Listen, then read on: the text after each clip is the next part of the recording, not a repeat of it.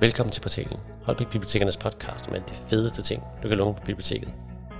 Din vært er Bjarne Nova Petersen, og i dag har jeg hjælp fra min kollega Anna Mette Sigård, og det handler om Orla-prisen 2022 og alle de nominerede bøger.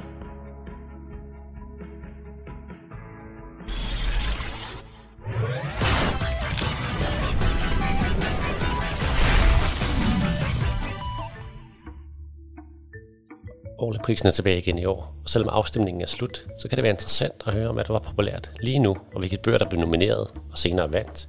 Derfor handler portalen i dag om de nominerede bøger til Orla-prisen 2022. Igen i år er der fem kategorier. Bedste tegninger er fjernet. Bogen, der gjorde mig klog, er blevet til bedste fagbog. Bogen, jeg kunne lægge frem og er flettet ind i serier. Sjove bøger er tilbage, og bedste handling er kommet med. Ny er gys og spænding. Sidste år var der så mange bøger om YouTuber nomineret, og jeg efterspurgte en kategori kun omkring dette emne. Det er da ikke kommet, men der er heller ikke så mange YouTubere tilbage på listerne. Første kategori er bedste fagbog, bogen der kan mig lyst til at vide mere. Og der udkommer stadig gode fagbøger, og selvom udlånet af dem faktisk er faldet drastisk, og der dukker hele tiden nye viden og nye emner op, som rent faktisk giver lyst til at læse mere fagbøger. Det er da ikke en ukendt forfatter, der starter kategorien her, for vi har utallige gode bøger om dyr, og han vandt også prisen for bedste bog, der gjorde mig klog sidste år. Rød ulv. Den rødhårede ulv. De fleste har nok hørt om ulven, men det er nok de færreste, der kender den røde ulv. Den røde ulv vinder meget om den almindelige ulv, men den er lidt mindre, og så er dele af pelsen som regel rød eller rødbrun. Den er især tydelig på benene og bag ørerne. Den røde ulv hører hjemme i det sydøstlige USA. Den er dog blevet jaget voldsomt af mennesker, men i 1980 var der ikke flere røde ulve tilbage i naturen. Heldigvis var der røde ulve i fangenskab. Den brugte man til et avls- og genudsætningsprojekt. I 1987 blev de første opdrættede røde ulve sat ud af naturen igen. Ulovlig jagt er dog stadig et problem, og sammen med ødelæggelse af levesteder er det noget af de alvorligste trusler mod den sjældne ulv. Det største problem er dog, at ulvene ofte parer sig med prægeulve. Ungerne bliver derimod hybrider, altså blandinger, mellem rød ulv og prægeulv. Og det betyder, at der kommer færre og færre ægte røde ulve. Der er i dag mellem 20 og 30 rene voksne røde ulve i den vilde natur. Man håber dog, at avlsprojekter kan hjælpe den vildt levende bestand, så den røde ulv også i fremtiden vil kunne overleve naturen. Fakta. Navn. Rød ulv. Canis lupus rufus. Levested. Et enkelt område i North Carolina i USA. Levetid 7-15 år. Føde. Især små og mellemstore pattedyr. Vægt 18-41 kg. Længde 1,2-1,4 meter. Trusler.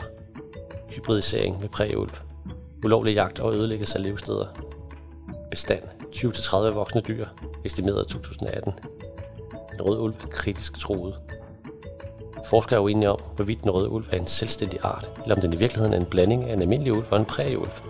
Uenigheden betyder, at den røde ulv i nogle tilfælde slet ikke regnes som en troet art.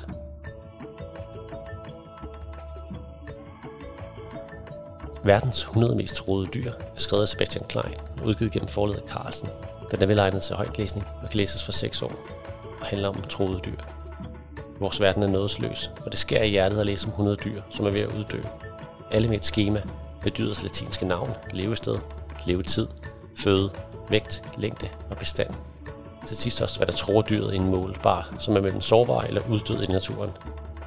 Dyrene er sat i rækkefølge efter, hvor sjældne og troede de er, har det desværre været alt for let at lave en liste over 100 dyr. Nogle af dyrene, som det hvide næsehorn, er helt nede på en bestand af to dyr. Hver dyr har en dobbeltside med informationer og et meget flot billede af dyret. Et par få steder har de været nødt til at bruge et tegnet billede i stedet for, men alle billederne er flotte og professionelle. Forsiden viser Sebastian Klein sammen med en flok af de troede dyr, der poserer imod læseren. Men heldigvis gør Sebastian og Carlsen også noget for dyrene, for al indtjening af de første 10.000 solgte bøger går til dyrenes beskyttelse og opkøb af natur. Derfor kalder Sebastian også den her bog for hans mest vigtige bog. Det sidste bogen er der listet 10 ting, læseren kan gøre for at hjælpe naturen og de vilde dyr i dit nærområde. Der er indtil videre udkommet syv bøger i sagen om verdens 100 dyr. De andre handler om de klammeste, mest fantastiske, mest gådefulde, mest mærkeligste, vildeste og farligste dyr.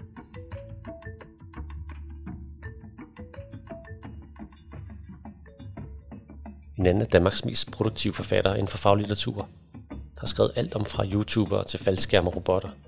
Han sætter sig altid godt ind i emnerne og formidler et sprog, der passer ret godt til hans målgrupper. Nu er han tilbage med en lidt større fysisk bog om vilde katte. Sandkat. Sandkatten er den eneste kat, der lever i en ørken det meste af tiden. Den har sin hule, halvanden meter nede i jorden. Det er en hule, der er forladt af ræve eller hulepindsvin. Sandkatten er lille. Den er kun så stor som en huskat. Dens ører er på størrelse med ørerne hos en huskat, men øregangen er dobbelt så stor.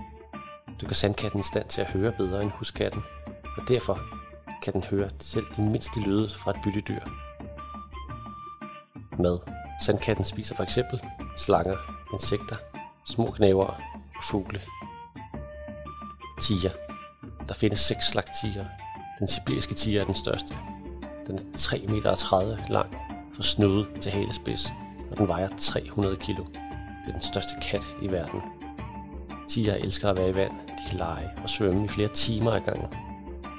Tiger jager alene. De jager tidligt om morgenen, eller lige før det er blevet mørkt. Tiger er rovdyr. Deres bytte er for eksempel hjorte, bøfler og antiloper. Hunden er gravid i 16 uger. Hun føder 3-4 unger. De blinde ved fødslen. Mor og unger følges ad de næste to år. Tia og Lia. Tia kan parre sig med andre slags katte. Unge han hantiger plus hundløve kaldes en tigeren. Unge han hanløve plus hundtiger kaldes en Lia. Verdens vilde katte er skrevet af Per Østergaard og udgivet gennem forlaget Turbine. Den er skrevet med lig 23 og kan læses for 8 år. Det handler om vilde katte og rovdyr. Der findes 40 slags vilde katte i verden.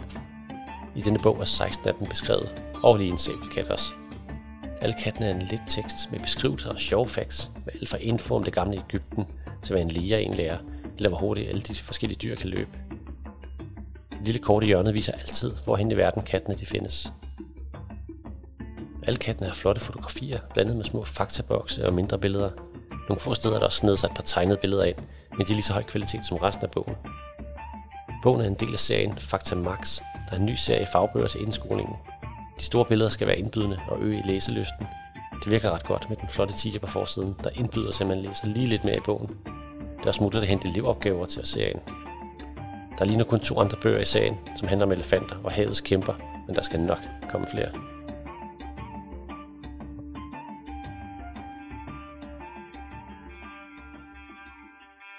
Gode fagbøger behøver ikke kun at handle om dyr. Flere nysgerrige børn kan finde et rigt udvalg af oplysninger, som er skrevet underholdende og lærerigt, og som kan svare på en del spørgsmål. Måske om hvem der egentlig opfandt telefonsvaren. Bøgeren Opfinder Café ejer Louis Lassen Årstal 1900 Burgeren blev opfundet af danskeren Louis Lassen, der var flyttet til USA for at prøve lykken. Han havde en lille frokostvogn, og en dag lavede han en burger ved et tilfælde. Geniet bag opfindelsen. Man tror, det er løgn, men burgeren, selveste burgeren, er opfundet af en dansker. Louis Lassen var flyttet til USA i slutningen af 1800-tallet og havde købt en frokostvogn. En dag kom en meget travl forretningsmand forbi og sagde, Louis, jeg har travlt, smæk en bøf mellem to planker og træd på den. Det fik Louis til at klaske en bøf mellem to stykker toastbrød, og manden hastede afsted med verdens første burger i hånden. Burgerbyer. En burger er en forkortelse af hamburger.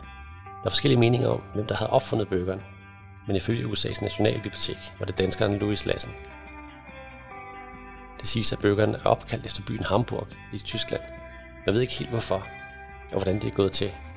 En historie lyder at nogle sømænd fra Hamburg, navngav en bøf mellem to stykker brød efter deres hjemby. Burgeren, gerne serveret med pomfrit og milkshake, er i dag udbredt i hele verden. I Danmark åbnede den første burgerrestaurant i 1977. Det var Burger King ved Rådhuspladsen i København. 0 ketchup. Louis arbejdede inde som smed i København i 1886. Da han var 21 år gammel, besluttede han sig for at prøve med lykken i USA. Til begynde med solgte han smør og æg fra en lille vogn, der blev trukket af en hest. I 1895 havde vognen udviklet sig til en frokostvogn. I 1917 åbnede han caféen Louis Lunch lidt ude for New York. Louis Lunch findes stadig og endda blevet familiens eje. Det er nu fire generationer til Louis, der har sted. Det siges, at familien flere gange har afvist at sælge til McDonald's, som er vilde for at eje stedet, hvor de opfandt burgeren. Louis Burger har næsten ikke ændret sig, siden den første gang den blev langet over disken for over 100 år siden. Den blev også stadig lavet på den originale grill, som Louis købte i 1898. Burgeren serveres med tomat, ost og løg. Intet andet. Hvis man beder om ketchup, så bliver man upopulær. På et skilt i restauranten står der, det der er ikke Burger King. Du kan ikke få det på din måde. Du får det på min måde, eller også får du det slet ikke. Danske opfindelser for burgeren og Lego til højtalerne og håndbold er skrevet af Sofie Maria Brandt og udgivet gennem Gyldendal. Kan læses for 10 år. Handler om opfindelser, idéer, historie, danskere og opfindere. Opfindelser er til at før gøre livet lettere for os alle. Det kan overraske de fleste, hvor mange af dem, der rent faktisk kommer fra danske hoveder. For danskerne er ret gode til at opfinde, og den her bog nævner 40 af de mest kendte eller største opfindelser. Alle opfindelser har en dobbeltside med sjove illustrationer og faktabokse med hints. Beskrivelserne er korte, sjove, men beskrevet så alle kan forstå, for eksempel hvordan en skybrudsventil eller en cykellampe virker. Der er skrevet lidt om tiden, historien og hvordan behovet opstod. Det er ret sjovt og lærerigt. Så giver det også lyst til at prøve at opfinde nye ting selv. Der er også lige plads til de sidste fire opdagelser, som ikke blev opfundet, men som var danskere var den første til at forstå. Bogen er illustreret af Claus Darholdt, der blandt andet har været med til at animere karakterer i Ternet Ninja. Hver opfindelse er tegnet med humor og detaljerne, som tjener bogen ret godt. Han har også forsøgt at genudgive opfinderens udseende ud fra hver opfindelse, og det gør sådan noget godt, at lærerne også kan få en idé om, hvordan opfinderen så ud, når der læses. Forsiden er desværre det mest kedelige, og viser en tidsspiral med opfinderen af Long John cyklen på en gammel cykel i midten. Omkring spiralen er flere opfindelser tegnet ind, jeg ville ønske, at bogen havde fået en lidt mere speciel forside, ligesom hver eneste opfindelse har fået sit helt eget fokus på deres side.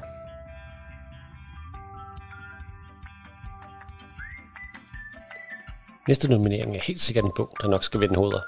Men det er så om børnene, der prøver at lære en masse nyt, eller om forarvede forældre og lærere, der får flere grå hår. Det må tiden så vise.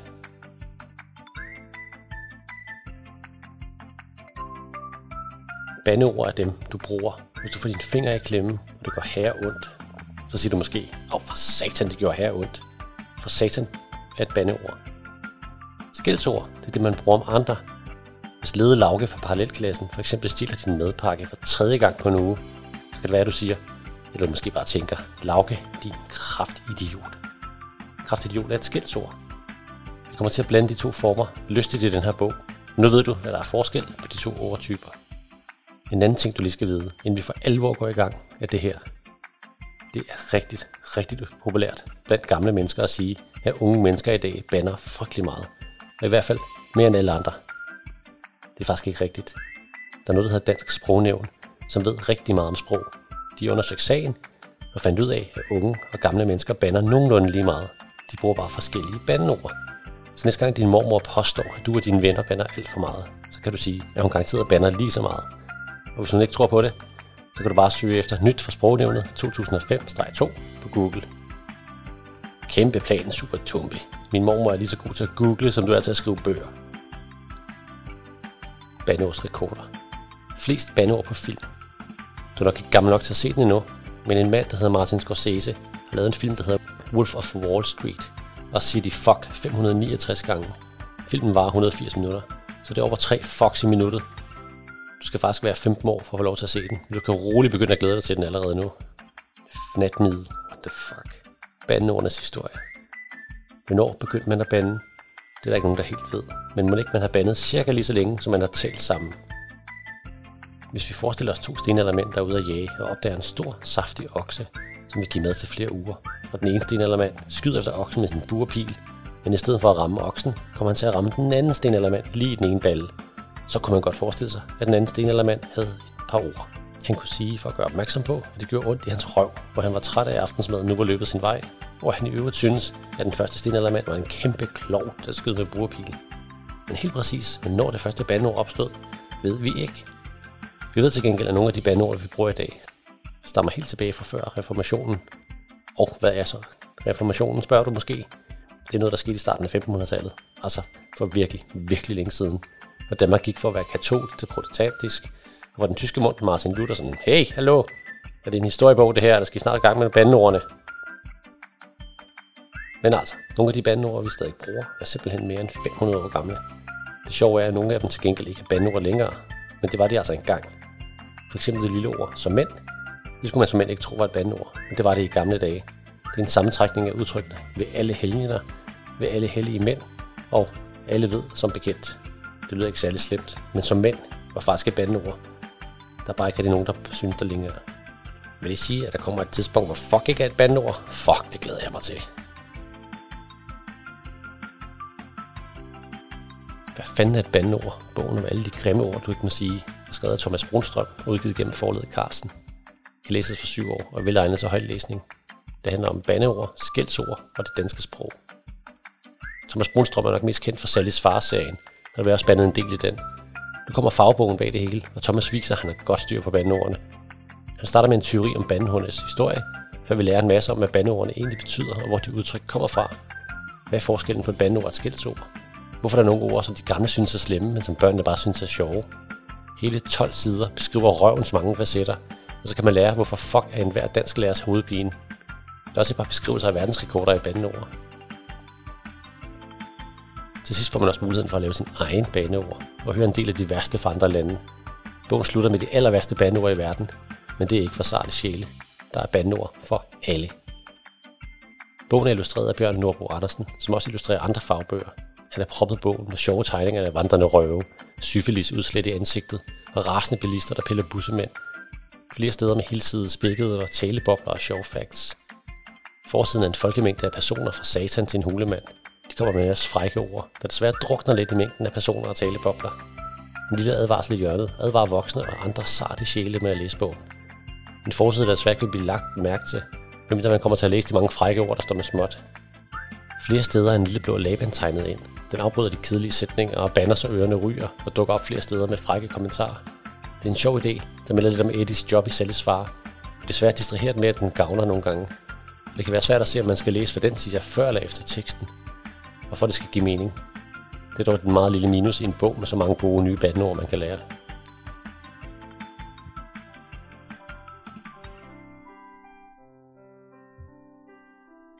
Den sidste nominerede bog i den her kategori er også den, der skiller sig mest ud. Når en professor og psykolog, som er kendt for at skrive om diagnosekulturen og et syn på tro, skriver en børnebog, så ringer alle mine alarmklokker. For jeg støder tit på voksenforfattere, der tror, at det at skrive en børnebog, det er bare nemt. Ret tit går det galt, men nogle gange, så lykkes det altså også. Alle børn er filosofer. Hej, jeg hedder Svend Brinkmann, og jeg er professor og psykolog og så har jeg altid interesseret mig rigtig meget for filosofi. Da jeg var dreng, lå jeg nogle gange i min seng og kunne ikke sove, fordi jeg spekulerede over alt muligt. Jeg tænkte for eksempel, hvordan kan jeg vide, at alle andre mennesker ikke bare er robotter? Måske er det eneste menneske i hele verden, hvor alle andre er robotter, der bare er skabt for min skyld. Ja, det lyder skørt, men tænk over det. Kan du 100% sikkert sige, at det ikke er sådan? Jeg tænker også over, at alt hvad jeg oplevede, måske bare skyldes elektrokemiske impulser i et organ, der vejer cirka et kilo, som primært består af fedt, altså min hjerne. Og den tanke er jo helt vild. Alt hvad vi oplever, tænker og føler, er jo bare signaler i en fedt klump med strøm i. Den tanke kan spores til en, der hedder Descartes. Ham vender vi tilbage til, og det er sygt smart. Efter vi havde lært om universet i skolen, spekulerede jeg rigtig meget over, om universet var uendeligt eller ej, og begge dele var uforståelige hvis universet er uendeligt. Kunne man i teorien sætte sig ind i verdens hurtigste rumskib, der kunne flyve mange gange i lysets hastighed, og så flyve i én retning resten af sit liv, og stadig aldrig nå til universets ende. Den tanke er det vildt. Og modsat, hvis universet ikke er uendeligt, så burde man kunne sætte sig ind i et rumskib, flyve et stykke tid, så var man ved universets ende, og hvordan ser der så ud? Og hvad er der på den anden side? Livet, døden og jagten på sandheden er skrevet af Svend Brinkmann og udgivet gennem forlaget Carlsen. Kan læses for 10 år. Det handler om filosofi og historie. Det er okay at stille spørgsmål, og helst mange af dem. Svend fortæller om, hvordan han som barn stillede alle de store spørgsmål, som man ikke kunne få svar på. Men det var det sjove ved dem. Der blev stillet rigtig mange spørgsmål i den her bog, og læseren lærer at reflektere over alle de store. Flere steder er der faktabokse, der forklarer lidt om historie eller om de svære ord som selvbevidsthed, kategorisk imperativ – Bogen er illustreret af Bjørn Nordbo Andersen, der også illustreret, hvad fanden er et bandeord. Her er illustrationerne dog større, men stadig en smule sjove. Flere steder dukker der billeder op af Svend Brinkmann, der filosoferer over et eller andet. Det hjælper med at forstå nogle af de svære informationer, der skal filosoferes over. Udover en god gennemgang af de vigtigste 11 filosofer i kronologisk rækkefølge. Forsiden viser Svend, som har fået hakket hovedskallen af, mens han tænker over fem filosofer. Ved siden af ham er der skelet, et foster og en robot. En forside, der nok skal tiltrække de nysgerrige børn. Bogen er skrevet i samarbejde med Thomas Brunstrøm, og det er måske med til, at bogen ikke bliver alt for voksen og kedelig. Sammen har de lavet en ret god bog og eftertænksom bog om filosofi for børn. Bogen er en del af den nye serie Du er rigtig klog, der indtil videre har fagbøger på livet om Mars og kloge neandertalere.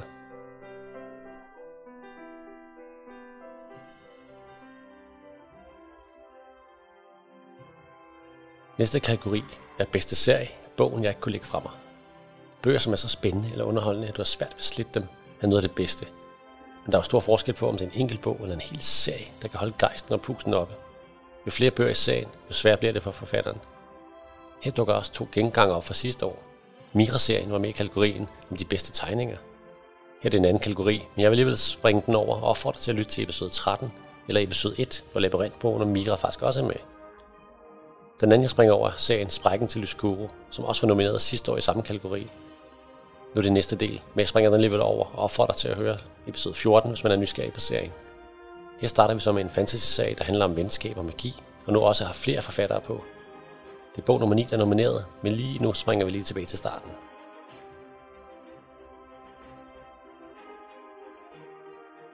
Men hvad havde I regnet med? Det var nu gået tre uger siden Silvius og Alien var ankommet til Ulykkesholm, og alle var samlet i det bløde stole i Rines bibliotek. Både de fire børn, troldkvinden selv og Avanera. Dørene var slået op ud til haven, hvor solen skinnede og fuglene sang. Men herinde var der ikke særlig meget sommer, for Irina var rasende som en sorten sky. Man skulle tro, I var børn, udbrød hun. Avanera mumlede, at det vel teknisk set også var, hvad de var. Pilo var den ældste, og han var stadig kun lige blevet 16. Men man slipper sgu da ikke bare en hest løs i køkken. Det var lige før, der kom røg ud af ørerne på Irina, men det var lige præcis, hvad de fire nye venner havde gjort. Selv Pilo, der ellers var meget autoritetstro, var begyndt at kede sig og var gået med på spøjen, da ene foreslog, at de skulle forsøge at skræmme livet af kokken ved at lokke et af gårdens dyr ind i køkkenet og lade den tage sig for af frugtsalaten. Det var altså ikke en rigtig hest, det var bare en pony. Avanea blev ved med at forsvare dem. Silvius tænkte, at det nok var meget godt, den venlige elver ikke vidste, at de faktisk havde prøvet at få en af Ulykkesholdens store trækheste op i køkkenet. De kunne bare ikke lokke det store dyr op ad trappen. Desværre var kokken ikke blevet skræmt, men skide sur. Han havde taget, hvad der svarede til tre måneders løn for husholdningskassen og var skrevet sammen med kokkepigen. Og nu var der ingen til at lave mad til dem længere. Husets frue gad i hvert fald ikke. Du skal ikke blive ved med at tage dem i forsvar og lege far for dem. Irina troede med sin lange fingernegl af sin mand. Om få uger skal disse børn Måske stå ansigt til ansigt med en som den der. Nu pegede hun op på den udstoppede manticore, der sejlede over dem med sine udstrakte vinger. Så er de for pokker, der er nødt til at være i stand til at tænke bare en enkelt fornuftig tanke. Alle fire stirrede op på monstret, der havde skorpionhæl og kæmpe store tænder. Og alle for de sammen, da fløj dørene i det samme smækkede i med. Nå, fik jeg så jeres opmærksomhed. Tak for det. Hun tog sig tid til at se hver enkelt af dem længe og alvorligt i øjnene. Silvius blev kold over det hele, da hun kiggede ind i hans. Han ville så gerne have, at hun blev stolt af ham. Udover det med hesten, havde han gjort så meget umage, siden de ankom til Irinas landsted. Han havde tærpet og tærpet og tærpet. Og for en uge siden var det endelig lykkedes for ham at åbne en låsdør med det rigtige ord. Der er én ting, vi skal have helt på det rene, sagde Irina. Hun rejste sig og gik nu hvileløs frem og tilbage over gulvet med rynket panden. Jeg har ikke samlet jer her på mit gods, fordi I er børn, der er alene i verden, og som det er synd for. Sådan er jeg ikke. Og det er heller ikke, fordi jeg i hemmelighed er gået og drømt om at have fire pattebørn til at rende rundt og ødelægge mit slot. De kiggede alle ned på deres fødder. Jeg har samlet jer, fordi jeg har brug for en gruppe modige eventyr, der kan tage sig af nogle af de problemer, jeg ikke længere selv har tid til. Jeg vil lære det, jeg har brug for at lære. Jeg vil give jer en uddannelse, så I som gruppe kan blive sejere, modigere, dygtigere og farligere end alle jeres jævnaldrende og også afskillige voksne. Jeg vil give jer mad og tøj og den bedste træning, men jeg vil ikke puste på jeres knæ, hvis I faldet og slået jer og jeg vil ikke tolerere barnagtig mobning eller hang til at hæve det sig selv over på gruppens bekostning. Er det forstået? Var alle fire flove og tavse. De nikkede. Selvdisciplin. Ved I overhovedet, hvad det er? skældte hun. De mumlede ja i kor. Jeg kan fortælle jer, hvad det ikke er, lynede hun. Det er ikke selvdisciplin at lukke en hest ind i et køkken. Det er heller ikke selvdisciplin at bruge sin spritny evne til at trylle døren op ind til ene, mens hun er i bad, bare for at se hende uden tøj på. Det er det ikke, Silvius. Men det var hende, der begyndte. Silvius begyndte at forsvare sig. Der er, det er ingen undskyldning, Rina vendte sig. Heldigvis mod ene, så han ikke længere var alene om at være genstand for hendes vrede. Men det var heller ikke i orden at binde døren ind til Silvius værelse, så han ikke kunne komme ud. Men da han lærte det formular, du vil udmærket godt ved, at han havde svært ved ene. Undskyld. For en gang skyld havde den lille type røde ører. Undskyld ikke nok. Jeg er i gang med at undersøge nogle meget vigtige gamle dokumenter, der er skrevet på et for længst uddødt sprog, og det drømmer til vanvid at have løbende rundt i huset og larme. Derfor har jeg besluttet, det er på tide at sende jer ud på jeres første opgave.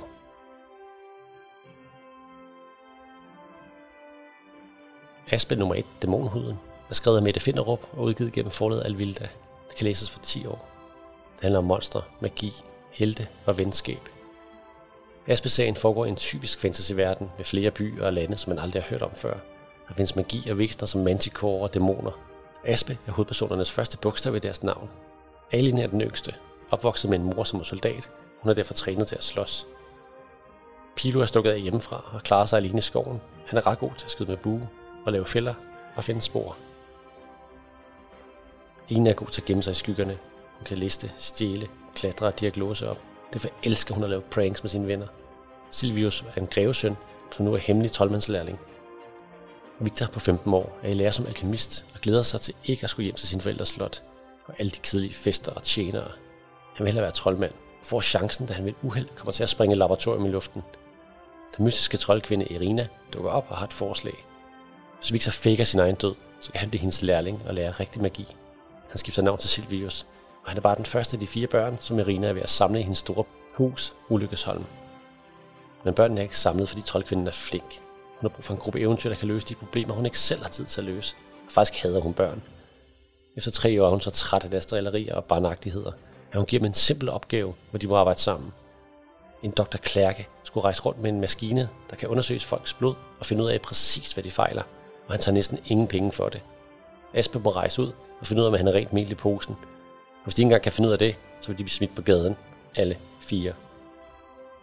Bøgerne er illustreret af Christian Gullager, hvis forsider signalerer det venskab og den spænding, der er i bøgerne. Den første viser de fire hovedpersoner, der poserer mod læseren, mens et monster kan skimtes i baggrunden, gemt i en grøn tog. Der er ret mange sort-hvide illustrationer inde i bøgerne, som er flotte og stemningsfyldte. Alle forsider viser de fire børn sammen med bogens tema. De fylder ret meget, og det gør det svært at få plads til det sjove. Det betyder, at forsiderne som de farverige kræver en smule formidling.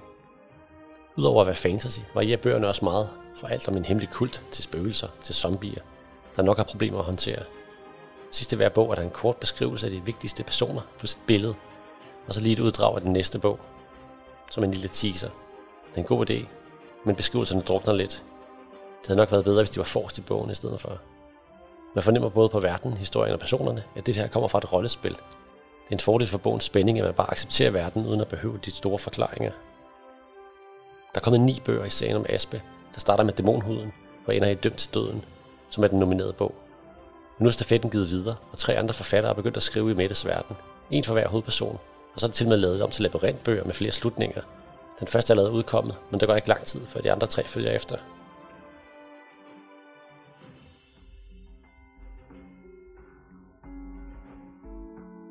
En god serie kræver gode, kendelige træk hos hovedpersonerne, så det er en fordel, hvis man har haft mulighed for at lære hovedpersonerne at kende på forhånd.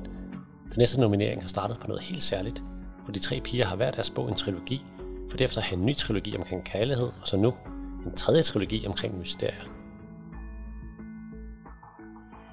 En halv time efter Jungle Juice er åben, dukker Iben op.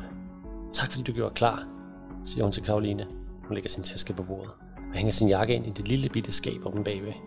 Hun skynder sig at lukke efter sig, så den falder ud, fra skabet er propfyldt med ringbæng og mapper og noget, der ligner bestillingssedler. Så sætter hun sit lange, mørke hår op i en elastik og tjekker sin makeup i et lille spejl bag på skabslågen. Jeg kunne bare ikke overskue at komme herned efter i går. Okay, siger Karoline og ser ned i gulvet. Vi, vi skal stadig ud og køre i eftermiddag, ikke? Nu må vi lige se, svarer Iben. Det kan så godt være, at jeg er for træt. Josefine og de andre skynder sig om foran på kundesiden, for der er slet ikke plads til fem piger omme bagved. Jeg er også ved at tage kørekort, forklarer Iben. Nogle gange får jeg lov til at øve mig i min kærestes bil, og så havde jeg bare spurgt, om Karoline ville være med. Hvad skete der egentlig? spørger Josefine hen over disken. Hun synes, det er lidt irriterende, at Karoline er så vild med alt, hvad Iben siger og gør. Men samtidig må hun indrømme, at der er noget helt specielt ved den mørkhårede pige med de grønne øjne, som man bare kan mærke, at hun ikke finder sig i noget som helst. I aftes, Iben strammer hestehælen. Josefine nikker. Iben har sikkert ikke tænkt på, at Karoline kunne have haft jobbet i juicebaren i den måned. Hun ved ikke, at pigerne var nødt til at hjælpe, for at Karoline kunne blive klar til at åbne. Altså, da jeg havde gjort kassen op i aftes efter luk, puttede jeg pengene ned i tasken, ligesom jeg altid gør. Iben hiver en sort aflang lærredspose med lynlås op fra en skuffe under kasseapparatet og viser til Josefine og de andre. Og så gik Karo hjem, og jeg gik hen til banken for at putte pengene i den her døgnboks. Josefine kaster et hurtigt blik over på sin storsøster. Hun kan se, at Karoline brænder, efter at tilføje, at det var Iben selv, der sagde, at hun skulle bare gå hjem. Men hun siger ikke noget, og Iben fortsætter. Da jeg næsten er helt dernede, hører jeg så pludselig en stemme bag mig, der råber stop. Ibens øjne er tegnet op med sort, så de ser næsten katteagtige ud, og hun spærer dem op, mens hun fortæller. Så hun oplever det hele igen. Jeg vender mig om, og så ser jeg en mørk mand i min mørkt tøj, med et tørklæde for munden, som kommer cyklende. Før han når at sige noget, stopper han livet foran mig, holder en kniv frem og siger, at jeg skal give ham pengene. Pigerne gisper og ser på Iben med åben mund. Hvad gjorde du så? spørger Emma, der stillede noget hængt i luften mellem dem. Gav ham pengene, siger Iben og slået med armene. Er du gal? Jeg anede ikke, hvad han kunne finde på. Wow, siger Amanda. Ja, det ser politiet også, forsvarer Iben sig. Selvom ingen har påstået, at hun gjorde noget forkert. Er det sikreste er at give pengene fra sig. Pigerne nikker. Hvad sagde politiet ellers? spørger Josefine. Ringer du selv efter dem? Jeg ringer til Karim, siger Iben. Ham der ejer junglen. Så ringede han efter politiet. Josefine skal lige til at spørge om noget mere, da skydedørene går op, og en kunde træder ind. Hun har pænt tøj på og en taske over armen. Så bortset fra, at det er søndag, kunne hun godt ligne en, der er på vej til arbejde på et eller andet kontor. Hun stiller sig over og læser på menukortet, der hænger på væggen, omgivet af eksotiske tapetblomster. Imens lister Josefine og Emma og Amanda lige så stille af. Der er kun to borde at sidde ved inde i Jungle Juice, og så et par barstole i det høje bordet til vejen, så det fylder alt for meget at have tre piger til at stå derinde, hvis de ikke skal købe noget. Josefine vil altså gerne have stillet Iben nogle flere spørgsmål. Stakkels Iben, siger Emma, så snart de er ude og på vej op til cyklerne. Ja, og så lige den aften, hvor hun havde sagt, at Karoline bare kan gå, så hun var helt alene, tilføjer Amanda. Hun bøjer sig ned for at samle sin gamle bedstemors cykel op.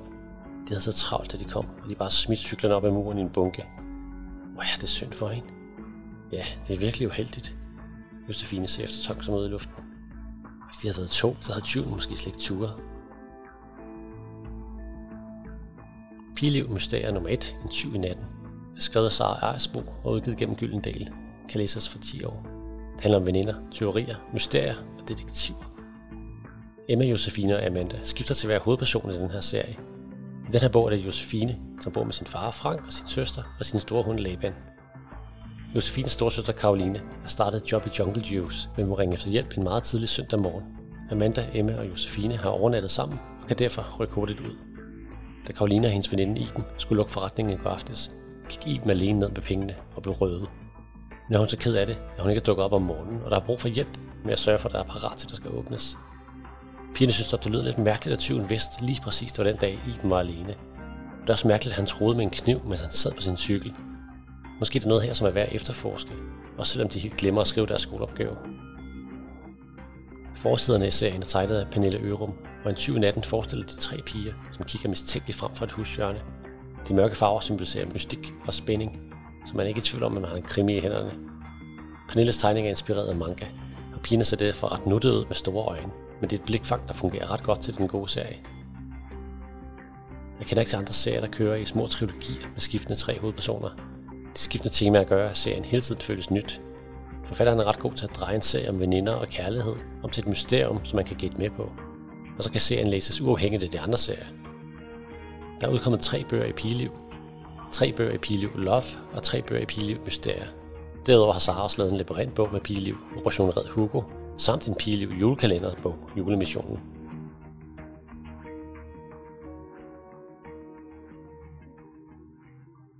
Den sidste serie, der er nomineret i kategorien, handler ikke om eventyr eller mysterier. Det er overlevelse med galskab, våben og krig på Orø i bedste Fortnite-stil. Au, au, au, au, au.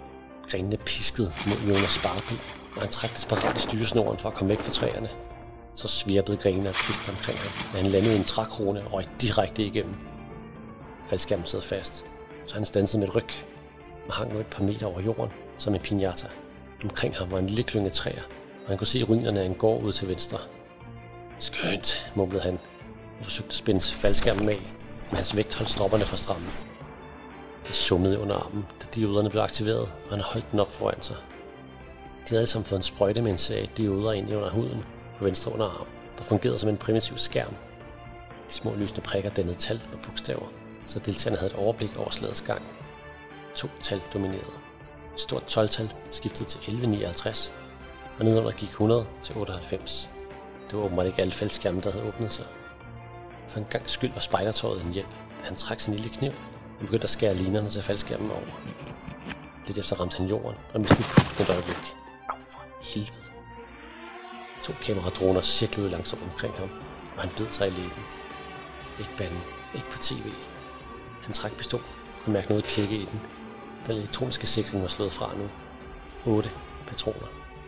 Han kastede et blik på sin underarm og så 98 blive til 97. Så gemte han sig bag træet og så sig omkring. Gården var omgivet af marker, men det var længe siden nogen havde dyrket noget her.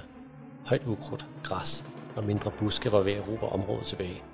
Gården var en ruin. Del af taget manglede, og der var sødmærker op ad to af vinduerne. Jonas løb foroverbåret mod det nærmeste smadrede vindue og for sammen, kom lød skud lige på den anden side. Han stillede sig med ryggen op ad den sødsværtede mur og kastede et hurtigt blik ind ad vinduet. Det var ninja-pigen. Hun stod båret hen over en dreng, klædt ud som bjergbestiger. Det summede kort under armen, da 97 blev til 96. Jonas' hjerte hamrede afsted, og han lænede pistolens kolde løb mod sin pande, mens han overvejede situationen. Flere skud lød i det fjerne, og under armen summede 95, 94, 93. Jonas skældede igen ind af vinduet, og så ninja-pigen ret sig op, nu med bjergbestigerens pistol i den anden hånd. Hun havde to nu. Nope. Jonas begyndte at liste væk fra vinduet og søgte tilflugt blandt træerne, da noget svirpede i hans ører. Han så ud på marken, hvor en skikkelse kom løbende imod ham. En pirat lignede det. En kugle ramte træet ved siden af ham, og han dukkede igen hovedet, før han dykkede ned bag en busk. Piraten kom stadig nærmere, men skød ikke længere. Havde han ikke flere patroner? Jonas overvejede at rejse sig og skyde igen, men det var måske, hvad piraten ventede på. Så sad han på huk med pistolen klar. Når piraten kom helt tæt på, ville han en hurtig serieskud bragede løs lige i nærheden, og Jonas satte sig på røven. Så blev der stille. 92. Jonas kom op på knæ og spejtede hen ud af ukrudtet. Det var ninja-pigen. Igen. Hun stod og så ned på noget, der formentlig var den døde pirat. Hvor mange skud havde hun brugt? Jonas tog en dyb indånding. Så rejste han sig og tog sigte med begge hænder på skiftet. 8 patroner. Battle Royale 1, en storm af kugler, er skrevet af Michael Kamp og kan læses for 9 år. Det handler om overlevelse og venskab. Klimaforandringer har ramt jorden med hungersnød, tørke, oversvømmelse og storme. Danmark er hårdt ramt, og det var regeringen indført turneringen, hvor 100 børn kæmper om retten til at leve på live tv. Kun én person overlever, og præmien afhænger af, hvor populær man er. Udover at man selvfølgelig får lov til at overleve. Der må ikke bandes eller kontaktes lokale på øen. Området, de må slås i, bliver hele tiden mindre, og der skal være fundet en vinder efter 12 timer. Jeg taber alle, og bombehalsbånd vil springe deres hoveder af. Jonas sidder i et fly på vej til Orø. Alle har fået mystiske og farverige dragter af sponsorer, og der er alt fra dragter til ridere. Jonas selv er sponsoreret af Spidergrej, og har derfor fået en spejderdragt og en glockpistol. Allerede da han springer ud med faldskærmen går det galt, og han ryger ud af kurs og lander i et træ, hvor han hænger og dingler. Derefter kommer han hurtigt i kamp med en pige klædt som ninja, som er ret god til at slå andre ihjel. Og snart følger en hel række kampe mod forskellige gale modstandere med alt fra motorsave til miniguns. Forsiden af tegningen er Flemming Schmidt og forestiller Jonas, der desperat løb med en Uzi fra en brændende pyre. I baggrunden kan man se tre af hans modstandere. En grinende bæver med en minigun, ninja-pigen med sin tanto og Appelsin 12 med sit sindssyge smil og sin motorsav. Der er flere flotte farvebilleder inde i bøgerne. De viser de sindssyge kostymer og kampe. På trods af Orø og den korte baggrundshistorie er Battle Royale Fortnite på bogform. Alt for gamertags og ligegyldighed ved at slå andre børn ihjel med. Det er spændende og underholdende. Ligger mere under overfladen, end man skulle tro, og en alliance er nødvendig for at gennemskue, hvad der skal ske på Orø. I bog 2 overtager en anden hovedperson historien fra Jonas, men han er så tilbage igen i bog 3 og 4. Bogen er skrevet i samarbejde med YouTuberen Værsinger, der kender ret meget til Fortnite, og det kan altså mærkes i fortællingen. Der er kommet fire bøger i sagen. En storm af kugler, Kæmp som en pige, Ryg mod ryg, og ind i stormen.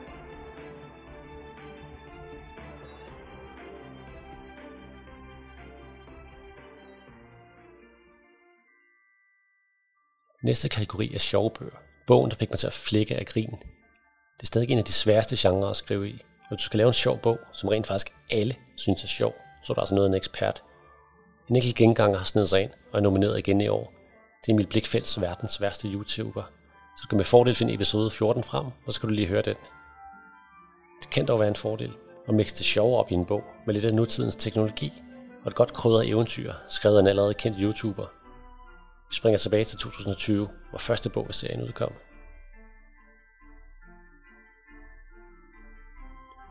York ventede til roen var faldet og hvor flokken af tæmmere, før han tøvende trådte frem på scenen. De skeptiske blikket for hundredvis af gule tæmmerøjne føltes tyngende for hver skridt han tog. Det var på dette sted, hans far havde stået så mange gange før, med det ene prægtige bæst efter det andet. Og nu var det Yorks tur til at bevise, at han var søn af Tork, den utrolige toptæmmeren over dem alle. Tæmmer af Ævledalen, begyndte York. Han udtalte sine indøvede replikker til perfektion, langsomt og fattet. Det var det øjeblik, han havde ventet på. Intet måtte gå galt. I aften skal I se et vid under. Intet mindre end utroligt. Jeg har rejst dybt ind i junglen. Måske dybere, end nogen anden har været før. Og med mig tilbage har jeg bragt noget helt særligt. York løsnede knuden på stofbyen, der hang over hans skulder. Ægget kom til syne under det grove stof. Det er ikke et hvilket som helst æg. Det er et æg fra en blomfugl. Et suk ærflug gik gennem publikum. Hele klanen var fokuseret på ham. Ingen blik ved fra ham. Nu havde han dem præcis, hvor han ville. Nu er det din tur, lille ven. Kom ud og spark hale på dem alle sammen, viskede han til ægget, næsten uden at bevæge læberne. York så igen på sit publikum. Og i aften skal I være vidner til det helligste møde mellem tæmmer og bæst. Det første blik. Han løftede ægget højt over hovedet og drejede det rundt, så alle blandt publikum kunne se. Så hævde han hækket helt ind til sig og prikkede det blidt med sin finger. Prik, prik. Han ventede. Lidt efter lød der to bløde prik inden for ægget. Han gentog, denne gang lidt hårdere. Prik, prik. Blomsterfuglen inde i ægget kvitterede. Sådan, lille ven, godt gået. Bare prik lidt hår. Prik, prik. En tynd revne kom til syne i skallen. Prik, prik, prik, prik. Revnen voksede så større. Prik, prik, prik, prik. Ægget vibrerede i Yorksætter, og med ét knækkede æggeskallen. York glemte alt om sit publikum, mens han stirrede intenst på ægget. Timmerklanens mumlende stemmer mudrede sammen til et dundrende ekko i hans ører, og lyden blandede sig med hjertet, der hamrede i hans bryst. Han turde ikke blinke, i frygt for at miste det enestående øjeblik. Prik, prik, prik. Et par æggeskaller fandt på scenen, og York kunne endelig se ind i ægget. Det lille bæs vred sig derinde og gjorde sig klar til at sprede vingerne og ryste sine lysegrønne fjer fri for æggesnask. Prik, prik, prik. En revne sprækkede hele vejen over midten på ægget, så York kunne løfte toppen til side, som låget på en gryde. Hans hjerte dunnede, da han lagde poterne på æggeløvet. Langsomt løftede han skallen, til lyden af publikums begejstrede tilråb. En bølge af varme kuldegysninger rullede over York, da hans øjne mødtes med det nyfødte bæst, og de delte det første blik. Men øjnene, der stedede tilbage på ham, tilhørte ikke en plysset, regnbuefarvet blomfugle unge. Slet ikke. Øjnene var blinde og bleggule. Faktisk var de slet ikke øjne, men pulserende bylder, der dryppede med slimet pus. Byllerne stak frem for en ham af sort læderhud, som uhyggelige stjerner på en kulsort nattehimmel. Væsenet var en orm, en krybende, rynket orm, hvis lange krop viklede sig om sig selv. Senere navngav York bæstet laveorm på grund af dets evne til at æde sig igennem hvad som helst. Men i det øjeblik kunne ikke gøre andet end at stige på misfosteret æggeskallen. Ormen plaskede rundt i den klumpede suppe, der nødvendigvis måtte være resterne af den oprindelige blomfulde unge, som laveormen havde fortæret. Publikums tilråb dundrede i ørerne, men York var lammet.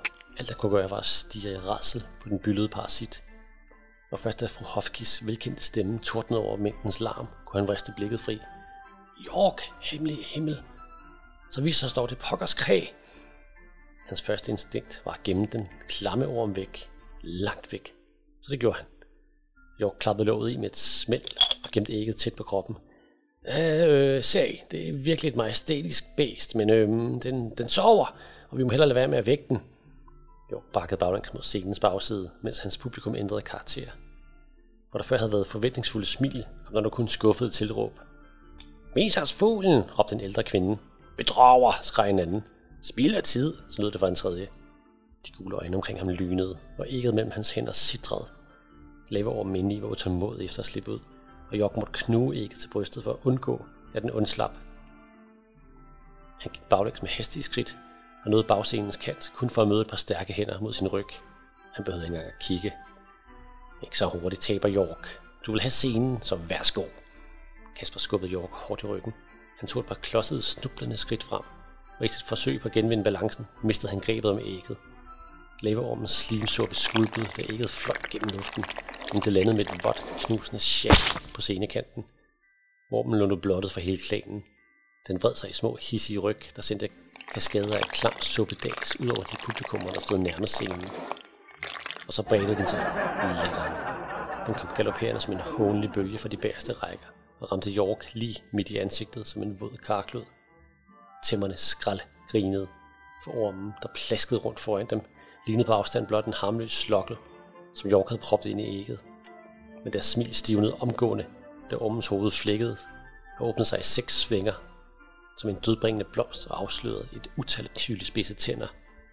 han død ud og blev erstattet med den følelse, der allerede knudede Yorks bryst. Iskold rasel og total stilhed.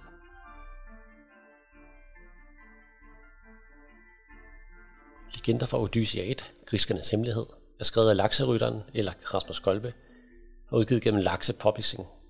Kan læses for 9 år og er vel egnet som oplæsning for 6 år. Det handler om fantasy, venskab og sjove bøger. Odyssea er et stort land med sletter og skove. Her der bor tæmmer, stammefolk, og det vrimler med mystiske bæster. Og så er der sortzonen, hvor det altid er mørkt, og de ondeste væsener findes. Verden havde engang en sol, men en dag stod den ikke længere op, og nogle arkitektvæsener, der kaldte Skriskar, lavede en kunstig sol, de kaldte Solaris. Men selvfølgelig mod et fast beløb hver år blev den ved med at skinne. York Stridtop er 14 sommer gammel har lige fået sin hjørnetænder. Han er bæst tæmmer og ekstremt uheldig. Han bor i tæmmernes hovedstad Ævledalen, og han håber på en dag at møde et bæst, som han kan fange og træne. Hans far er ude at træne og fange, og derfor bor han lige nu hos Frohavski. Bogen starter med, at York har skrevet lidt om sit liv i sin skitsebog, som han har arvet fra sin mor hvorefter man følger hans forsøg på at stjæle et blomfugleæg. Der er top til mig dyst, og York vil vinde, ligesom hans far har gjort det så mange gange før. Vinderen får nemlig lov til at sende tæmmernes gave til kriskerne som betaling for Solaris. Desværre går det helt galt for York, og han slipper et bæs løs, der æder den luftballon, der skal transportere gaven til kriskerne. York må flygte fra byen, inden de slår ham ihjel, for at være skyldig, at solen snart slukker. Han tager det på sine skuldre og rejser op til kriskerne og fortæller, at det kun er hans skyld, og de ikke bør straffe hele Ævledalen, og heldigvis så møder han pigerne Nomi og Blast på sin vej, der kan hjælpe ham. Illustrationerne er lavet i samarbejde mellem lakserytteren og hans fans. De er meget tegneserieagtige med utrolig mange flotte farver. Flere steder er der sjove detaljer i baggrunden, og mange sjove situationer supplerer teksten godt. Forsiden viser York, forfulgt af en masse monstre i mørket bag ham. Ved siden af ham er den blå amfibiepige Nomi og den dæmonagtige Blast. Omkring titlen flyver der små sjove grisefærer rundt. Der er ret mange væsener og medretter, som aldrig bliver forklaret i historien. Og det er virkelig lidt forvirrende med mange oplysninger om alt fra Jack Jacks hornhapsar til Prutti Frutti, uden man får en beskrivelse af, hvad det egentlig er. Men der er også mange af de mærkelige ord, som er med til at gøre bogen lidt sjov, så også selvom en af væksterne hedder en knudebjarte. Fortælleren skifter til Nomi for en kort stund, men ellers er det York, der styrer slaget. Og selvom serien er sjov, så er den altså også spændende og til tider uhyggelig. Jeg tænker det værste, når en YouTuber, der er kendt for at tegne og lave kunst, begynder at skrive selv. Men lakserytteren er faktisk en ret god forfatter, og selvom det virker lidt indforstået til tider, er han ret god til at beskrive en stemning, lave sjove og interessante karakterer og flikke en spændende historie sammen. I bog 2 har lakserytteren startet et samarbejde med Smartbook, og man kan downloade en app, der udvikler bogens univers. Flere steder kan man scanne et kort eller et billede, og så kan der faktisk komme et spil ud af det. Der er udkommet to bøger i sagen om legender fra Odyssea, Griskernes Hemmelighed og Månebibliotekets Forbandelse.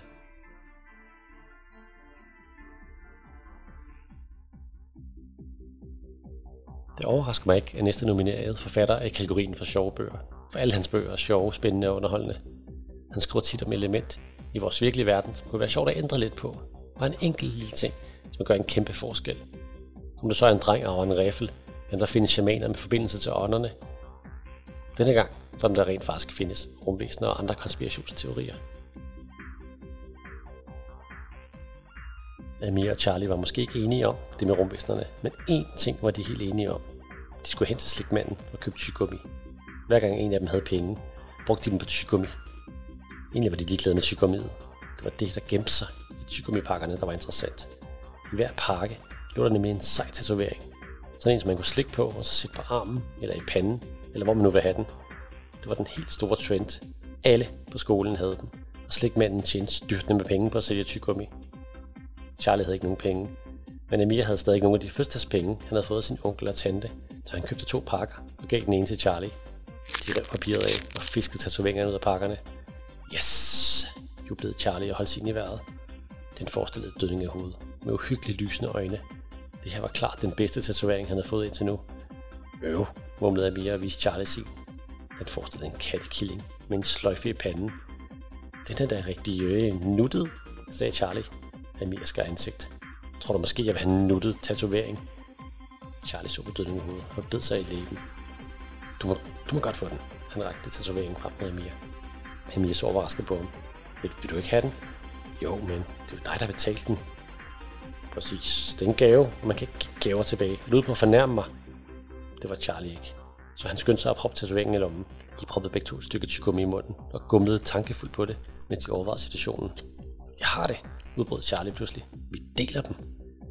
Amir så uforstående på ham. Hvordan det? Vi klipper dem over. Vil du ødelægge dem? Det er da dumt. Så er der jo ingen af os, der får et dødning i hovedet.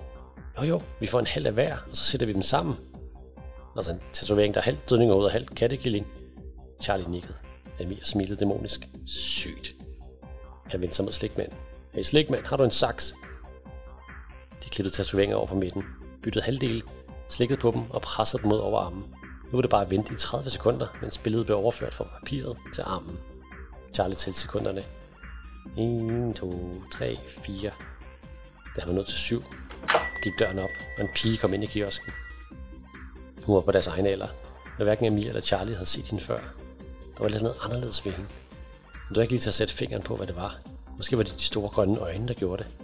11, 12, 13. Pigen gik direkte hen til blandt selv slikket. Tog en stor håndfuld chokoladekugler og puttede dem i lommen. Så du det, viskede Amir. Charlie nøjes med ikke, for han kunne ikke tale, mens han talte. 20, 21, 22. Pigen begyndte at fylde lommerne med vinkumpi bamser og labre laver. Hun prøvede engang at skjule det. Slikmanden fik øje på hende. Hov, hvad er du gang i? Pigen så op. Jeg tager noget af det her farvede sukker, sagde hun og proppede en stor håndfuld af krigsbolcher i baglommen. Øv, de klister, mumlede hun irriteret og børstede et par bolcher på fingrene. Kan du så holde op med det der, råbte slikmanden. Pigen så overrasket på. Hvorfor det? Fordi det skal vejes din nød, men put ikke bare slik i lommerne. Put det i en pose. Husk at tage handsker på først. 26, 27, talte Charlie. Det har jeg ikke tid til, sagde pigen, og gik ud af butikken med lommerne fulde af slik. Charlie holdt op med at tælle. Hov, kom tilbage, råbte slikmanden og løb efter pigen med Amir og Charlie lige i hælene. Han indhentede hende lidt hen af fortoget og lagde en tung hånd på hendes skulder. Lad mig gå, jeg er travlt, sagde hun og vred sig, men slikmanden holdt fast. Du glemte vist noget, unge dame, sagde han brysk. Gjorde jeg? Det gør ikke noget, jeg har alligevel ikke plads til mere. Pigen klappede på de fulde lommer. Du glemte at betale, spruttede slikmanden. Pigen så uforstående på ham. betale? Ja, betale. Du har ikke betalt for det slik, og det er tyveri. Pigen smagte på ordet. Tyveri. Hvad er det? Nu synes slikmanden ikke længere, det var sjovt. Du skal ikke spille bart over for mig, din lille tyvknægt. Hvad hedder du? Jeg hedder hvad hedder... pinsås som omkring. På den anden side af vejen lå et pizzeria. Pizza. 35 kroner stod der på et skilt i vinduet. Pizza. Jeg hedder Pizza, sagde hun. Pizza? Det er da ikke et navn, fnyste slikmanden. Er det ikke? Nå, men det hedder jeg altså. Man kunne se på slikmanden, at han havde fået nok af pigens fjollerier. Hvem er din mor og far? spurgte han. For første gang så pigen ud til at være lidt bekymret. Min mor og far må ikke vide, at jeg er her, sagde hun. Nå, så det må de ikke. Det kommer de altså til. Hvad er deres telefonnummer? Sig det så. Hvad er et telefonnummer? sagde pigen. Hun var modig. Det må Charlie og mere indrømme. Slikmanden blev ildrød i ansigtet. Hvis det skal være på en måde, så ringer jeg efter politiet.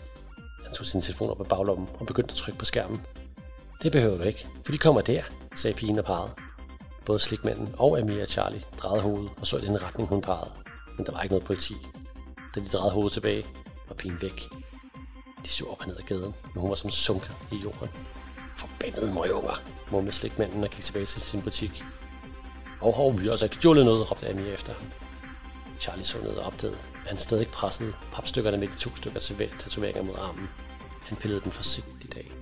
På armen sad den sejeste tatovering, han nogensinde havde set. Halv kattekilling, halv dødning af hovedet. Amir havde en med en til, bare spejlvendt. Åh, oh, hvor er det nice, sagde Amir. De brugte lang tid på at beundre sig selv i butiksruden. Så virkelig godt ud med de tatoveringer. Det var næsten synd at pigen med det grønne øje ikke havde nået at se dem. Jagten på Sandheden 1, Rumvæsenerne kommer, er skrevet af Kasper Hoff og udgivet gennem Gyldendal. Jeg læses for 8 år. Det handler om rumvæsener, venner, konspirationsteorier og mysterier. Historien foregår i vores verden, i hvert fald hvis der findes rumvæsener, som bor blandt os, og der er en hel række konspirationsteorier, som rent faktisk passer. Charlie han bor i Skuldstrup med sin bedste ven Mia, de lovede at være venner for evigt, og derfor aldrig blive forelsket i nogen piger. Pludselig en dag står der et nyt hus på Jupitervej, eller det er faktisk lidt slidt og i dårlig stand. Det dukkede bare op i løbet af natten. Tosse Torben har sit eget blad, der hedder Jagten på Sandheden, og han skriver om alt det mystiske, der sker i byen. Der er bare kun en enkelt person, der rent faktisk tror på, hvad han skriver, og det er Charlie. Torben mener, der kan være rummester i byen. Og det kan faktisk være, at han har ret, for i slikbutikken sker der noget mystisk. En pige, der kalder sig for pizza, stjæler slik, og ved slet ikke, hvad det betyder at betale. Da ejeren af slikbutikken ringer til partiet, forsvinder hun på mystisk vis. Amir og Charlie finder hende senere i parken, og hun fortæller, at hun hedder Vega, og hun stjæler slikket for at finde sin kælegris bassemand, der er stukket af. Hun er mærkelig, men også rigtig sød. Faktisk så sød, at Charlie måske alligevel overvejer at blive lidt forelsket. Det viser sig, at hun bor i det mystiske hus. Og det kan jo være, at hun faktisk er et rumvæsen. Serien er illustreret af Kim Dalsgaard, der er fyldt bøgerne med utallige flotte tegninger med, med masser af detaljer og stemningsbilleder. Det supplerer teksten ret godt. Forsiden viser Charlie og Mia, der kører afsted mod læseren på deres løbehjul med kælegrisen løbende imellem sig. Bag dem løber Vega fra et inferno af ild. Forsiden signalerer spænding. Men Kims tegninger og de sjove indsigter og store øjne gør man altså også forventer, at historien er lidt sjov. Og bogen er ret sjov, og illustrationerne er interessante, som de tre creepy duer, der hele tiden dukker op og stiger på læseren på billederne. Der er udkommet tre bøger indtil videre i jagten om sandheden. Rumvæsterne kommer, den 25. time om tidsrøver og hjernevasket med en dille med 5D-briller, det spreder sig i byen. Men der er flere på vej, og masser af sjove konspirationsteorier, som Kasper kan lade Charlie og Mia Vega opleve.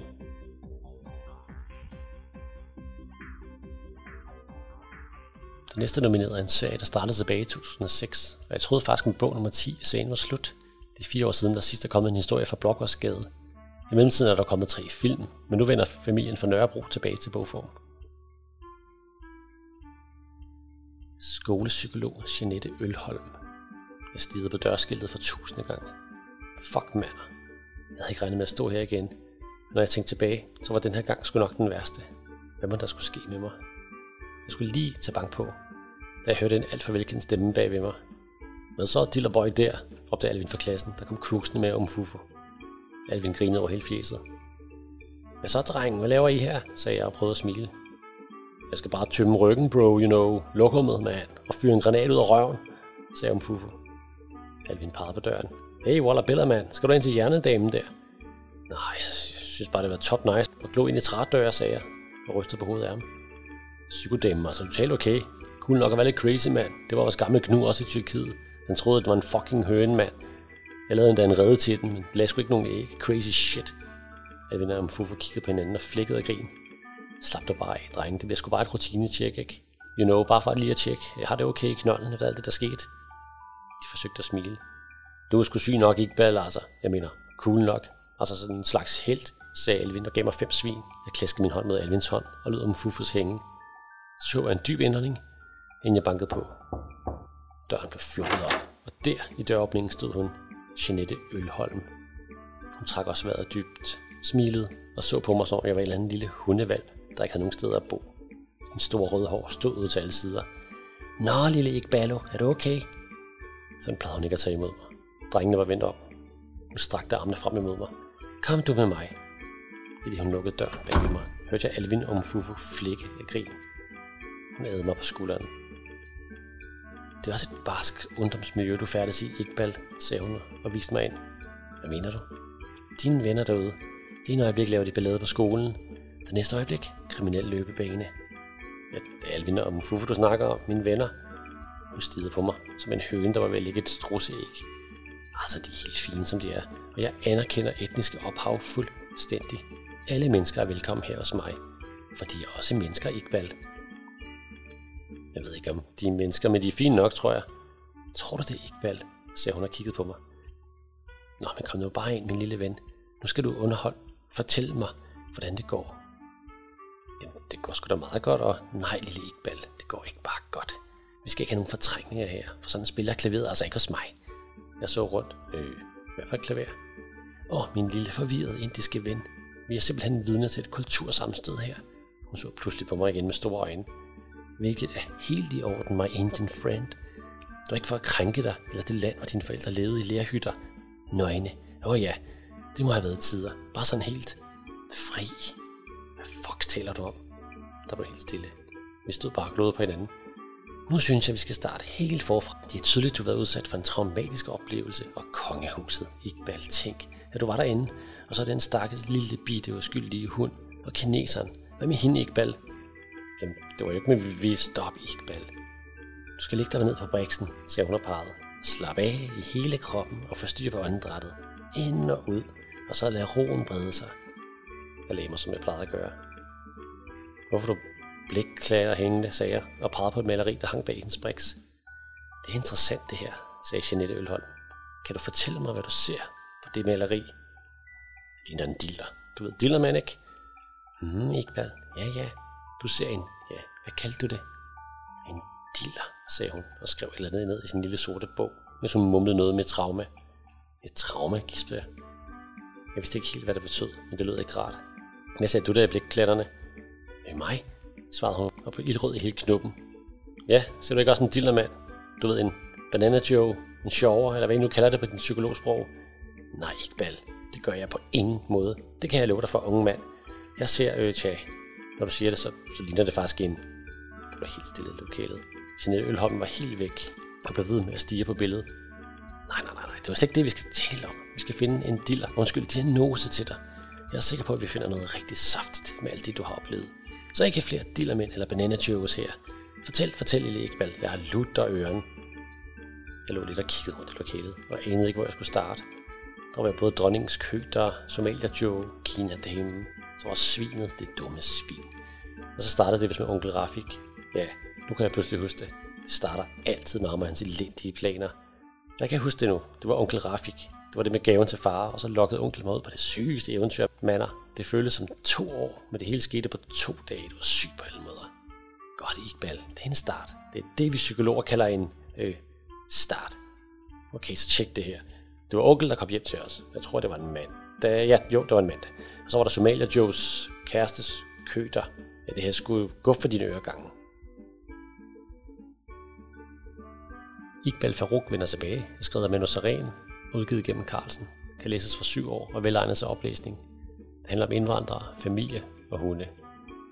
Selvom historien foregår på Nørrebro i København, så er der sådan en lidt gakket version af virkeligheden. Det er sjovt og underholdende. Alle de voksne på en eller anden måde er lidt karikerede.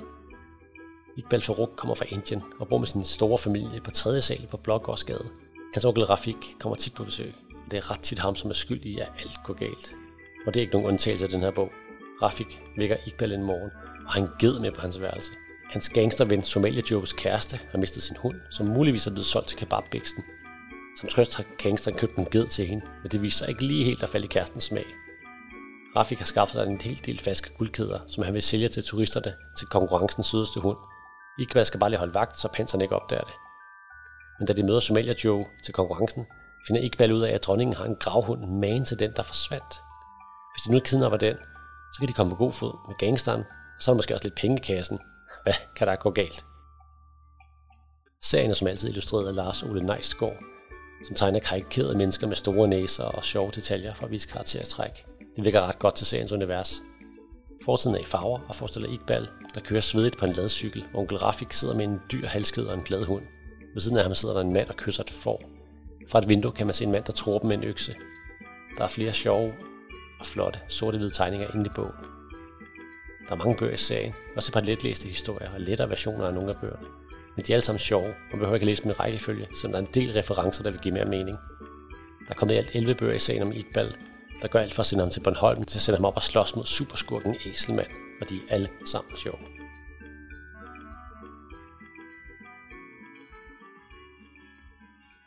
Det sidste nomineret handler om YouTubere, som bliver mere og mere populære. Denne gang er den bare ikke skrevet af en YouTuber, men handler om, hvordan man selv kan blive en. Magnus havde endnu ikke besluttet, om han ville være med på videoen, men der kunne ikke ske noget ved at tage par og briller på.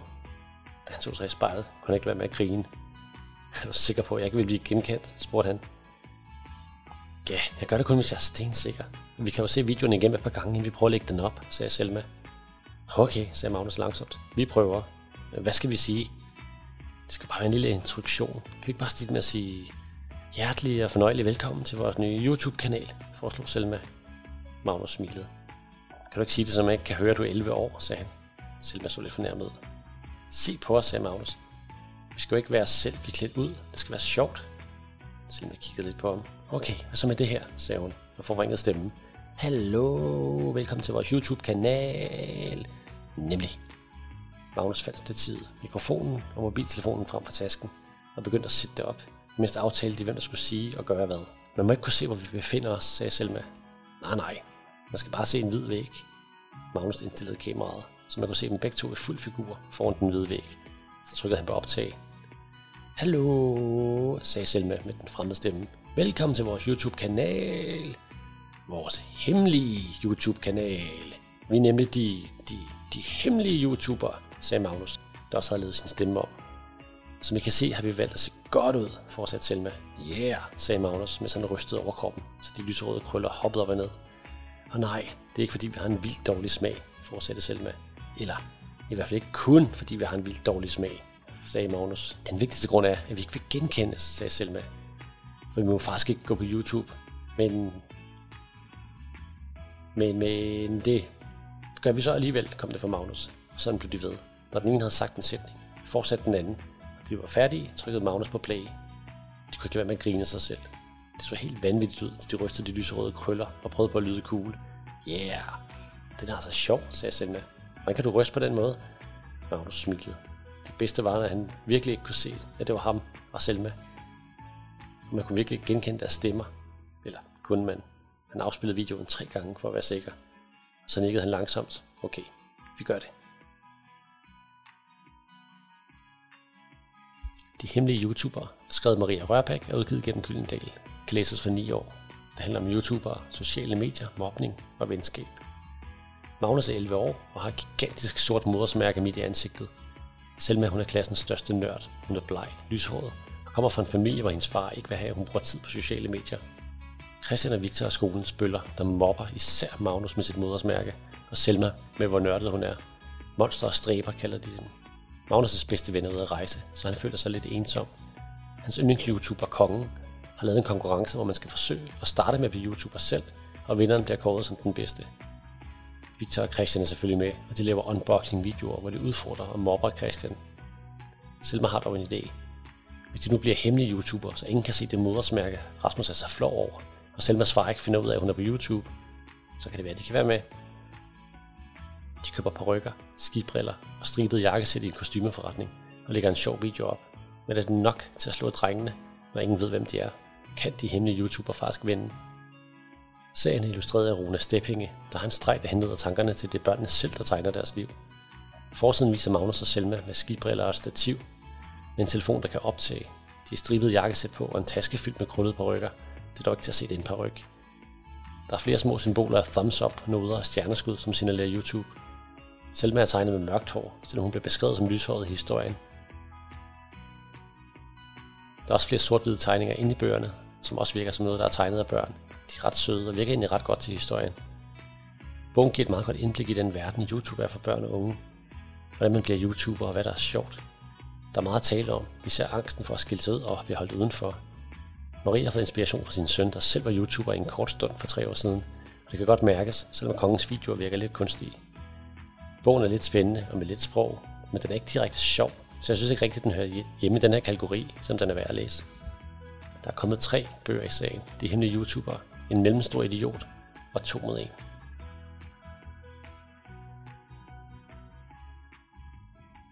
Næste kategori er bedste handling. Bogen, der fik mig til at glemme tiden. Og lidt i stil med bogen, jeg kunne lægge fra mig. Det behøver bare ikke at være en serie. De fleste har vel prøvet at opleve en historie, der bare var svær at lægge fra sig. Så kom man for sent i seng, eller noget ikke af på det rigtige stoppested med toget. Det er også til den slags bøger, hvor man bare ikke kan vente på at få fortsættelsen. Og der kan nogle gange må konstatere, at der desværre ikke kommer en fortsættelse. En af de nominerede var også med sidste år, med første episode, og jeg springer derfor Gemini forbandelsen over og foreslår, at man hører episode 14, som vi vil høre om den første bog. Og så springer vi direkte til en historie, som er taget direkte ud af Elm Street. Blyantspidsen krassede mod papiret. Han var mere optaget af at følge spidsens vandring på det hvide ark, end at se, hvad det kom til at forestille. Sådan var det altid, når han tegnede. Det var først bagefter, han så, hvad det var blevet til. Spis din mad, Asker. Vi skal snart afsted, sagde hans mor på den måde, hun altid sagde det hver morgen, når Asker sad fortabt i en tegning, mens marmeladen var ved at glide af osten på hans toastbrød. Hun havde nu heller ikke selv rørt meget af sit brød. Som altid spiste hun stående, mens hun ventede på, at kaffemaskinen hostede færdig. Far sad og læste aktiekurserne på sin telefon og havde bekymrede fuger i panden. Sådan var deres morgen altid. Asger tegnede, og de arbejdede. Mor forberedte den sag, hun skulle køre i retten, og far skulede til kurser og grafer fra banken, som om det var en sort sky, der allerede nu hang over hans arbejdsdag. De kunne dårligt sige noget til, at han tegnede ved morgenbordet, når de selv arbejdede. Selvom mor syntes, hans væsener var uhyggelige, og far ikke forstod, hvorfor det, han tegnede, var så useriøst. Men Asker kunne ikke gøre noget ved det.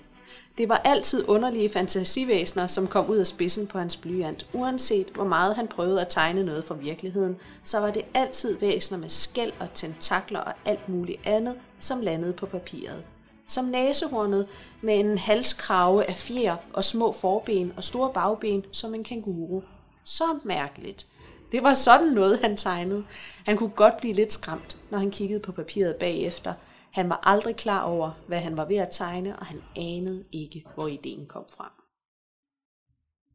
De glemte vogtere er skrevet af Andreas Boskov. Det er en fantasybog for øh, en god læser på 10 år og ellers op efter. Men bogen passer til rigtig mange forskellige aldre, fordi den er bare rigtig spændende. Bogen foregår i vores helt almindelige verden, men der er et twist af magi, og derfor er det fantasy. Asger er vores hovedperson. Han er en helt almindelig dreng, med to ret fraværende forældre, og så er han vanvittig god til at tegne. Og han tegner hele tiden. Han tegner alle mulige ting, og det er så mærkeligt, det han tegner. Men det viser sig, at det er faktisk ikke ting, han finder på. Det er faktisk ting, han ser i virkeligheden, som han tegner. Det er væsener, som bevæger sig rundt i vores verden omkring os. Hvilket er sådan lidt skræmmende, når man hører om nogle af de her væsener, som han tegner. Heldigvis så er der en gruppe af børn, de glemte vogtere, som bekæmper monstrene og passer på os alle sammen på den måde. Børnene de bruger deres fantasi til at bekæmpe monstre med. Det man gør, det er, at man ser monstret, og så forestiller man sig en eller anden måde, som monstret kan blive fanget på. For eksempel, at det bliver omsluttet af en kæmpe skumfidus, eller at øh, den store, farlige knivhænder bliver til små fjer. Hvad man nu lige kan finde på i sin gode fantasi. De glemte vogtere mangler et medlem, for en af de tidligere medlemmer er forsvundet. Og øh, de har opdaget Asker, fordi når nu han kan se væsenerne, så vil han også kunne være med til at bekæmpe dem, håber de. Der er bare det problem, at Asker er ved at være lidt for gammel, så hans fantasi er ikke helt lige så god, som da han var lille. Og derfor er det lidt svært at komme ind i den her gruppe. Og det viser sig også, at opgaven bliver endnu sværere for Asker på grund af en masse sammensværgelser, som han slet ikke kendte noget til. Serien fortsætter, Næste del kommer i foråret 2023, og den glæder jeg mig rigtig meget til at læse.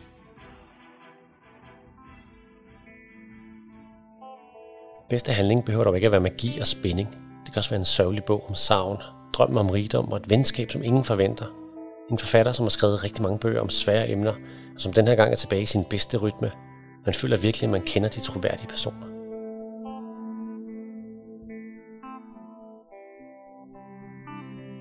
Det startede for alvor den dag lige efter sommerferien, hvor Ove kom ind i klassen og skrev Danmark på tavlen. Det lyder jo stille og roligt. Det tænkte jeg også først. Og der gik der også lidt tid, inden jeg helt forstod, hvad han havde gang i. Han stod der og så ud over klassen og knuppede hænderne, som han så gør så tit. Indimellem knækkede han endda fingre, som er virkelig gustent. Nå, 7. B, sagde han, vi må jo i gang. Og så pegede han igen på tavlen og på Danmark og sagde, at godt nok var vi et lille land, men der var stadig mange forskelle. Kendte vi måske til det, som man kaldte sociale klasser. Han gav os ikke tid til at svare. Han vendte sig rundt og skrev 1, 2, 3, 4, 5 lige til højre for Danmark. Et-tallet stod øverst, så 2, 3, 4 og til sidst femtallet, der skrabede bunden af tavlen og lå, som om det var faldet forover i en ordentlig brændert. Der er dem, der er rige, og der er dem, der er fattige, men de fleste er midt imellem, sagde Uwe. Han skrev rig ud for et-tallet, middel ud for 2, 3 og 4-tallet og fattig nede ved femtallet. Jeg havde mærket allerede noget i maven. Ikke fordi det gjorde ondt. Jeg spændte bare alle musklerne, som man gør, når man laver mavebøjninger. Ove trummede med fingrene på ordet middel, mens han kiggede på os med små spidse pupiller. Så sagde han, at her i klassen var langt de fleste jo lige der. Men, sagde han, man kunne jo være middel i den lave ende eller middel i den høje ende. Sådan var Danmark. Her var der ikke mange ultrarige, som der for eksempel var i USA, og der var heldigvis også ret få fattige. Han så tilfreds ud, som om han var midt i noget dybt og klogt. Middelklasse, sagde han, så det lød som starten på et lykkeligt eventyr, eller bare et ord, der var godt at kende, som kaffe og jul og pizza med ekstra ost. Jeg rykkede lidt rundt på stolen, mens Kerne, min gode ven, sad bum stille og så glad ud. Nu havde han også grund til at smile, for han var helt sikkert toppen af middel. Måske ikke en ren toer, men helt klart over tre. De havde lige fået nyt køkken med kukker. Det snakkede han meget om, og okay, jeg forstår selvfølgelig godt, hvis du er helt blank. Det var jeg også, da Kerne fortalte om det. Men så var jeg hjemme hos ham og kom ind i det nye køkken. Og hey, det er altså vild luksus. En kukker er sådan en vandhane ved siden af den almindelige vandhane, hvor der altid, altid strømmer kogende vand ud. Kerne kunne lave kaffe og kakao og cup noodles whenever. Ove var færdig med klasse 2, 3 og 4. Nu manglede han bare toppen og bunden. Han strakte armen og lod fingeren smås godt rundt i et-tallet, så kridtet blev tværet ud. Han smilede og kiggede på Ludvig. Hans ansigtsudtryk var rigeligt. Alle vidste jo, at Ludvig var klassens millionær, og at de boede i Birkesø-kvarteret og havde fem eller seks biler. De havde også en motorbåd. Der var så stor, at jeg ikke fattede, hvordan den kunne flyde. Og så gik han på jagt med sin far. Han havde et udstoppet hoved fra et rådyr hængende på værelset. Det stirrede på ham fra fodenden af sengen. Vi er forskellige. Ikke sandt, sagde Ove, men til min store overraskelse undgik han, som undgik, at se i min retning og tale om bunden. Det var næsten som om jeg ikke var der. Jeg havde egentlig heller ikke lyst til at være der, men omvendt syntes jeg også, det var ret ondt af Ove. Sådan er Danmark, sagde han og hostede ned i albuen. Og så var det, at min mund gjorde noget meget uventet. Noget, den slet ikke plejer. For med høj og gennemtrængende lyd sagde jeg, rige svin. Det her er Happy Happy, skrevet af Mette Vedsø. Den er øh, til øh, de lidt ældre børn, sådan 12 år op, og den er helt fantastisk god. Det er en sørgelig bog, det er en sjov bog, det er en bog, der øh, sætter gang i vanvittigt mange tanker. Vores hovedperson hedder Ube, og han er en øh, helt almindelig dansk teenager. Altså bortset fra, at han jo så befinder sig i socialklasse 5, fordi at øh, Ube bor sammen med sin far. Han havde engang en mor, men hun døde, da Ube han var helt lille, så han kan slet ikke huske hende. Men det kan Ubes far. Ube og hans far de er et rigtig godt team. De arbejder sammen, og de får tingene til at lykkes. Det er ikke super nemt at være en familie på de her vilkår, fordi Ubes far har ikke et sådan et arbejde, man får mange penge for. Han arbejder på en genbrugsplads, og han er rigtig stolt af sit arbejde. Han gør en kæmpe forskel for klimaet og for samfundet. Han får altså ikke ret meget i løn. Til gengæld så kan han finde alt muligt på den her genbrugsplads, som han kan reparere, sådan så at Uber og hans far ikke behøver at købe nyt. For eksempel når elkeden går i stykker, så finder han en at reparere. Og det er jo rigtig fint. Men efter at Ube her i klassen har været udsat for Oves forklaring af socialklasser, så bliver han alligevel sådan lidt modløs og han går afsted fra skolen. Han går et sted hen, hvor han aldrig har været før, og sætter sig på en bænk og sidder og kigger ud og nyder udsigten. Og lige pludselig kommer der en fremmed dame hen og sætter sig ved siden af ham og siger, hvad er dit handicap? Og Ube synes godt nok, det er rimelig frisk af hende at spørge om, sådan, når nu de ikke kender hinanden. Men så opdager han, at han sidder faktisk og kigger ud over en, øh, en, sådan en, en golfklub, en kæmpe golfbane, hvor der går en masse mennesker rundt og spiller. Og Ube ved ikke helt, hvad han skal svare, så han siger ikke så meget. Men det viser sig, at øh, hende dame, der sætter sig ved ham, hendes mand er lige død. Og han spillede golf på den her bane, og hun tror, at Ube han er en rigtig god golfspiller, og derfor tilbyder hun ham, at han må få mandens golfkøller, øh, hele sættet der, fordi det er jo bedre end at smide det ud, eller bare, ja, prøve at sælge det. Så kunne det jo gøre lidt gavn. Og det er jo fint. Ube han tager imod de her golfkøller, og øh, han kommer forbi golfklubben, og går ind og spørger, hvad det koster at få en prøvetime, og han får at vide, du har jo årskort, så du behøver ikke at betale. Og her vender Ubes held. Ube går ind og spiller, og det viser sig faktisk, at han er skidegod til at spille golf. Og på den her golfbane og i det her område møder han rigtig mange fra socialklasse 1. Og pludselig åbner der sig en ny verden for ham. Han øh, ender med at være øh, model for en influencer og tjene en masse penge ved at hjælpe med at lave lektier for nogen, der ikke har så nemt ved det. Og det er jo meget godt, måske. Men det er også lidt svært, fordi Ube kommer til at lave en masse hemmeligheder, som han skal holde styr på, og det ender helt galt. Det er en rigtig, rigtig god bog. Det er en afsluttet historie, så der kommer desværre ikke flere fortællinger om Uwe. Næste nomineret er en bog af Kenneth Bøh Andersen, som ikke er en overraskelse. Kenneth skriver flot, medrivende og læser endda selv lydbogen op.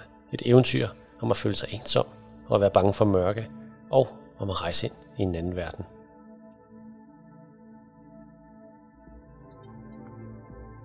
Godnat. Leos mor lukkede bogen og gav ham et kys på panden. Sov godt, skat. Mm, mumlede Leo uden at åbne øjnene. Han havde lukket mor til at læse et kapitel mere, og så lige et mere. Men nu var det altså også slut, sagde hun. Du er jo allerede faldet halvt i søvn. Hun strøg ham over håret. Og ja, det var han. Nu galt det bare om at falde helt i søvn, og helst inden mor forlod værelset. Det var også ved at lykkes. Leo mærkede næsten ikke, at hun rejste sig fra sengen, og han hørte ikke hendes skridt fra ærne sig. Men så, så lød det lille dumme klik hen fra døren, da hun slukkede lyset. Lyden skar gennem trætheden, og fra det ene sekund til det næste var Leo komplet vågen. Han forsøgte at holde fast i søvnen, der havde været så tæt på. Forsøgte ikke at lytte til mors trin, der forsvandt ned ad gangen. Forsøgte at lade være med at lytte til stillheden. Forsøgte at lade være med at åbne øjnene. Han åbnede øjnene. Det var bare hans værelse. Det vidste han. Skrivebordet, reolen, globusen, stolen, hans skoletaske. Intet var anderledes end for 30 sekunder siden. Alligevel var alt anderledes. For nu var lyset slukket.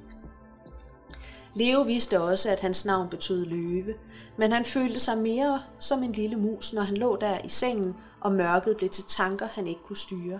Når alle de ting, han kendte, blev til ting, han ikke kendte. Ting, han forestillede sig, selvom han prøvede at lade være. Globusen, der blev til hovedet på et underligt væsen. Fodboldpokalen, der tog form af en forkrøblet hånd. Tøjbunken på stolen, der forvandlede sig til en pukkelrykket skikkelse. Da han var mindre, havde hans far fundet på en monsterramse. Monster, monster, gå nu væk, ellers får du numse smæk. Imens havde hans far gået rundt i værelset med en gryde på hovedet som hjelm og svinget med fluesmækkeren. Det havde været sjovt, og både Leo og hans lille søster Tilde havde skraldgrinet. Dengang havde han og Tilde delt værelse, men senere havde de fået hver deres, og nu, når Leo lå vågen i mørket og mumlede ramsen for sig selv, var det ikke længere sjovt. Ikke den mindste smule. Han vidste selvfølgelig godt, at der ikke fandtes uhyre. Han var trods alt 10 år, men pludselig snakkede han til dem. Truede dem lige frem. Det gjorde dem endnu mere virkelige. Drømmeslottet af Kenneth Bøge Andersen er en højtlæsningsbog for de 6-årige og op efter. Det er en, øh, det er en fantasyhistorie, hvor vi starter i vores helt almindelige verden, og igennem en portal kommer ind til en parallel verden. Vores hovedperson er Leo på 10 år, og Leo han er virkelig bange for at falde i søvn. Og som I kunne høre, så er hans fantasi løber virkelig løbsk, hver gang han skal sove. Og en aften her, hvor han er kommet i seng, og han er lige ved at falde i søvn, så tænker han, hmm, jeg dobbelttjekker lige, at der ikke ligger nogen monster under min reol, fordi at så kan jeg godt sove. Så han øh, bøjer sig ned og kigger ind under reolen, og der er ikke noget monster. Men der ligger en glaskugle. Øh, og det er sådan lidt mærkeligt, for han synes ikke, han kan genkende den. Eller at han har haft en. Men den må jo være kommet ind på hans værelse på en eller anden måde. Han tager den frem, og så kigger han ind i den, og inde i glaskuglen er der et slot. Og mens han kigger på slottet, så tænder lyset i en af vinduerne inde i slottet. Det er godt nok mærkeligt. Det viser sig, at den her glaskugle er en portal til en anden verden, og Leo går igennem den og kommer ind, og her møder han en alf, som hedder Alf. Og øhm, Alf han er simpelthen så glad for at endelig have fået sig en ven. Så han vil rigtig gerne beholde Leo, og han vil gøre rigtig meget for det. Og de to, Leo og Alf, de hygger sig gevaldigt sammen. De øh, kælker, de leger, de øh, spiser lækker mad, de øh, har det så skønt. Indtil en dag så finder Leo ud af, at han begynder ikke rigtig at kunne huske, hvad der var før han kom ind til det her slot. Der er sådan nogle små glimt af nogle forældre og sådan noget, og han vil bare rigtig gerne hjem. Men det kan han ikke bare komme. Bogen er virkelig flot illustreret med nogle virkelig smukke, farverige tegninger hele vejen igennem, øh, som gør den rigtig god til at, øh, at læse højt. Det er Karl Otto Mosgaard, der har illustreret, og det er virkelig godt arbejde. Og det understøtter historien rigtig, rigtig godt. Så en virkelig god højtlæsningsbog. Det er en afsluttet historie, så øh, vi får ikke en, øh, en videre fortælling om, om Leos skæbne.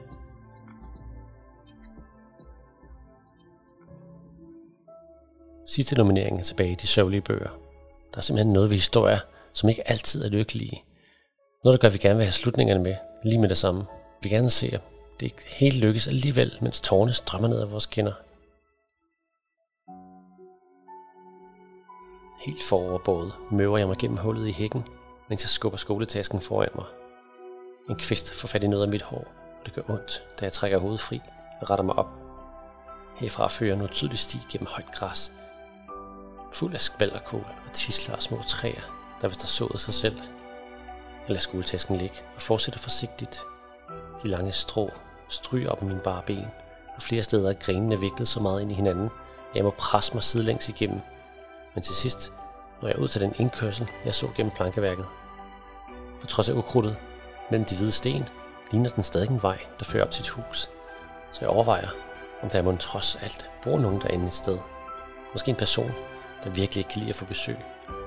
Jeg beslutter, at hvis jeg møder vedkommende, siger jeg, at jeg lige er flyttet ind på vejen, og bare lige vil hilse på naboerne. Hvis der så er en eller anden, der bliver sur, fordi det her er et privat område, så går jeg bare igen.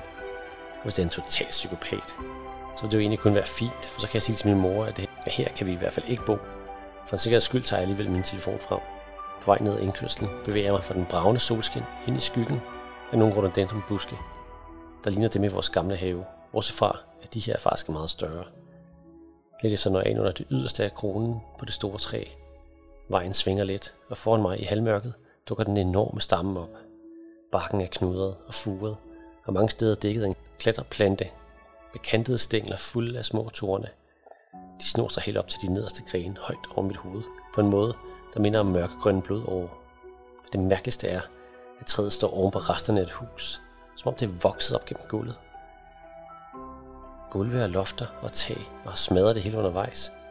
Under de tykke sammenflettede rødder og laget af blade fra tidligere år, kan jeg ane et fundament med en bred indergangstrappe, knækkede planker, knuste teglsten og stumper af murer af vinduesglas jeg har det som om, jeg har havnet i en eventyrfilm med et oldgammelt magisk træ, der vogter over en hemmelighed. Anspændt kigger jeg rundt. Ingen bevægelser nogen steder. Og lydene virker helt normale. Biler i det fjerne. En græstermaskine tættere på. Fugle, der piper. Ikke noget farligt overhovedet. Og ikke nogen, der bor her. Det er ret tydeligt. Jeg stikker mobilen i lommen, går lidt tættere på og samler et blad op fra en pude af mos. Formen er bred og takket. Det er helt sikkert hverken et bøgetræ eller et egetræ, eller nogle af de andre træer, jeg lærte om i 3. klasse på min rigtige skole. Det her må jeg undersøge lidt mere, bestemmer jeg. Ikke det er så let, for underlaget er virkelig ujævnt. I stedet nærmest klatrer jeg hen over det nederste af en væg og hopper over en låge fra et gammelt køleskab. Det andet sted er jeg ved at træde på fjederne fra en gammel madras og et halvråden blonde gardin mellem stykkerne af et loft. Der må have været et soveværelse lige der.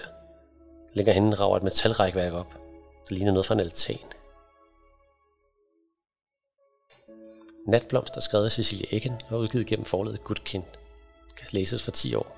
Det handler om venskab, naturen, skilsmisse og ensomhed. Historien foregår i vores verden, i hvert fald hvis der stadig findes en lille smule magi og mystik stadig. Mia hun er syv år og er blevet tvunget til at flytte. Hun bor med sin mor, hendes papfar Jan og hendes lillebror Mikkel. Hun vælger bo sin far og hunden Matti i sin gamle by. Mia har en meget dårlig første dag i skolen. Som alle er flinke, så synes hun bare, at alle er irriterende. Hun vil være alene og undgår sine nye klassekammerater og sit nye hjem ved at gemme sig på en privat grund. Her finder hun et stort træ, der vokser op gennem et gammelt hus. Hele haven er fyldt med højt græs og masser af murbrokker. Og da hun forlader grunden, møder hun en mand, der fortæller, at han ejer huset og gerne vil betale hun 500 kroner og en ny mobiltelefon, hvis hun hjælper ham med at rydde lidt op på grunden, inden den skal sælges. Det store træ skal væk, og det hjælper Mia med at forgifte træet. Men efter et skænderi i hjemmet, gemmer hun sig i haven og finder en mystisk pige, der har brug for hjælp, fordi hendes træ er blevet forgiftet. Mia vil ikke indrømme, hun har hjulpet med det, og et eventyr starter med at finde en dreng, der faktisk engang har hjulpet pigen. Sammen må de redde træet. Forsiden er lavet af Camilla Wigman og forestiller en måne, der skinner gennem blade, æren og grene fra et stort træ. En pige kigger gennem kvistene. Farverne er matte og dystre og viser, at den her bog er en bog med meget store og negative følelser. Selvom Natblomst kan læses uafhængigt, så er der faktisk en slags forhistorie i Cecilies anden bog, Sølvblomst, der beskriver Jonas' historie.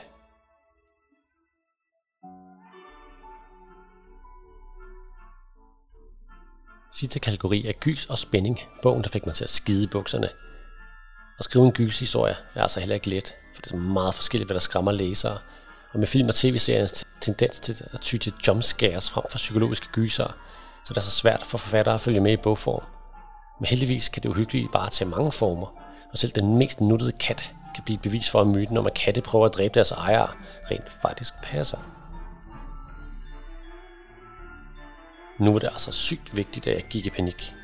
For hvis jeg gjorde det, så kunne han få ramt på mig så let som ingenting. Men hvordan lader man være med at gå i panik, når ens kat planlægger en nakke en? Jeg havde altid sagt, at Miki var syg i låget. Nu havde jeg så beviset. Nu ville mor helt sikkert tro på mig skulle vi få kørt krævet ud på et internat. Var der ikke noget med, at de gassede onde katte sådan et sted? Jeg tog dagbogen med til mor. Hun lå i sofaen og snorkede. Der lå en lille spytklat på hendes læber. Miki var forsvundet. Mor, sagde jeg og ruskede hende. Mor! Med et grønt vågnede hun op. Ja, ja, snøvlede hun. Det er Miki. Hun var ikke helt vågen. Miki, hvad har du nu gjort ved ham? Mor satte sig op i sofaen og gned sig i øjnene. Miki hader mig, sagde jeg. Niklas, lad nu være. Selvfølgelig hader katten der ikke. Det er bare noget, du finder på. Det sagde hun altid. Som jeg altid havde mærker på armene. Den lorte kat krassede mig hver eneste dag. kat. Men mor, se her. Jeg kastede dagbogen hen til hende. Se, jeg har fundet Mikis dagbog og... Mor åbnede kattens dagbog og læste den. Hun grinede lidt. Hun læste dødstruslen og grinede igen. Havde mor bedt Mikke om at slå mig ihjel? Du er så fuld af sjove numre, lå hun og gav mig dagbogen tilbage. Og så forstod jeg det. Mor troede ikke på mig. Hun troede, det var noget, jeg havde skrevet som en joke. Nu var jeg seriøst ud at skide. Jeg måtte hurtigst muligt ind på mit værelse for at lægge en plan. Mor lagde sig til at sove igen. Et øjeblik senere snorkede hun. Jeg gik fra stuen og ud i gangen, der forbandt alle rummene i huset. Mickey sad på bordet, hvor mor havde sin fine og meget dyre vaser stående. Ondskaben lyste ud af hans øjne. Jeg blev mig klar til at sprinte forbi ham, da Mickey langsomt løftede sin højre pote. Det gør du ikke, dit møgdyr, viskede jeg. Der kom en dyb knoren fra Mikis hals. Han puffede til væsen, der nu stod faretroende ude ved kanten. Væsen var ikke en hvilken som helst væse. Nej, det var min mors yndlingsvase. En gang havde jeg taget den og brugt den til at gemme nogle klodser i, og mor var flynet helt ud. Hun havde sagt, at hvis jeg nogensinde rørte den vase igen, så ville hun skære mig i terninger og koge suppe på mig. Mickey gav den endnu et puff, og væsen var i frit fald. Automatisk kastede jeg mig frem for at gribe den, og jeg kunne mærke, hvordan den fløj forbi mine fingerspidser. Vasen blev knust mod gulvet. Mor fløj op fra sofaen og drønede ud i gangen, hvor hun fandt mig og de tusind stykker, som engang havde været hendes vase. Først tog mor sig til hovedet, og så begyndte hun altså at råbe af mig. Hvad fanden ville du da ind, din møgunge? Jeg satte mig op og forsøgte at samle skårene uden lin, hvilket nogle gange bare giver en nart af mening. Hvorfor ødelagde du min vase, Niklas? ville mor vide. Det, det var ikke mig, fik jeg fremstået med. Hvem var det så?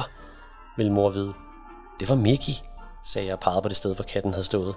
Nu var Mickey sporløst forsvundet. Hvor mange gange har jeg sagt til dig, at du ikke skal lyve? Næste gang du lyver, så skærer jeg din Playstation i stykker med en motorsav. Du kommer til at hjælpe din far mange timer ud af haven som straf for det her. Min kat er seriemorder, og skrevet af Charlotte Berwald og udgivet gennem Brandpunkt. Kan læses for 10 år.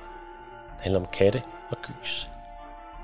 Bogen foregår i en verden, hvor katte er onde, og kæledyr kan skrive og måske endda kommunikere lige så godt som mennesker. Niklas er en ganske almindelig dreng, der bor hos sine forældre og deres mega super kat Mickey. Niklas er overbevist om, at Mickey hader ham, for han er kælen nok over for Niklas' mor. Niklas får bare dræberblikke, klør og hårboller på værelset. Men en dag finder Niklas Mickeys dagbog under sengen. I den der står, at Mickey planlægger at slå Niklas ihjel. Han skriver også, at der har været flere børn, så katten er faktisk en ren seriemorder. Niklas mor tror, at Niklas selv har skrevet dagbogen for sjov, så det er op til Niklas selv at overleve kattens forsøg på at slå ham ihjel. Heldigvis skriver den i sin dagbog omkring det, så han har en chance for at overleve. Forsiden er lavet af Søren Klok og forestiller Mickey, der peger på noget med en pistol med lasersigte. Han vækser ondskabsfuldt. En måne anes i baggrunden. Der er tre sort-hvide tegninger ind i bogen, som viser, hvor ond Mickey er i forskellige situationer. At katte er ude på at slå mennesker ihjel er en gammel myte, som Charlotte, der ikke skriver hestebøger, tager udgangspunkt i. Bogen har faktisk ikke fået en særlig god anmeldelse, og meget få biblioteker anskaffede den, så det er under, at den er blevet nomineret. Men nu ser det ud som, at bogen indkøbes flere steder, efter den er blevet nomineret til Orla-prisen. Og det er da også en underholdende lille gyser med mærkelige ordsammensætninger og let søgte forløsninger, så godt kunne være fra en tegnefilm, hvor børnene ret tit må klare sig uden deres uvidende forældre. Historien er lige så sjov, som den er uhyggelig.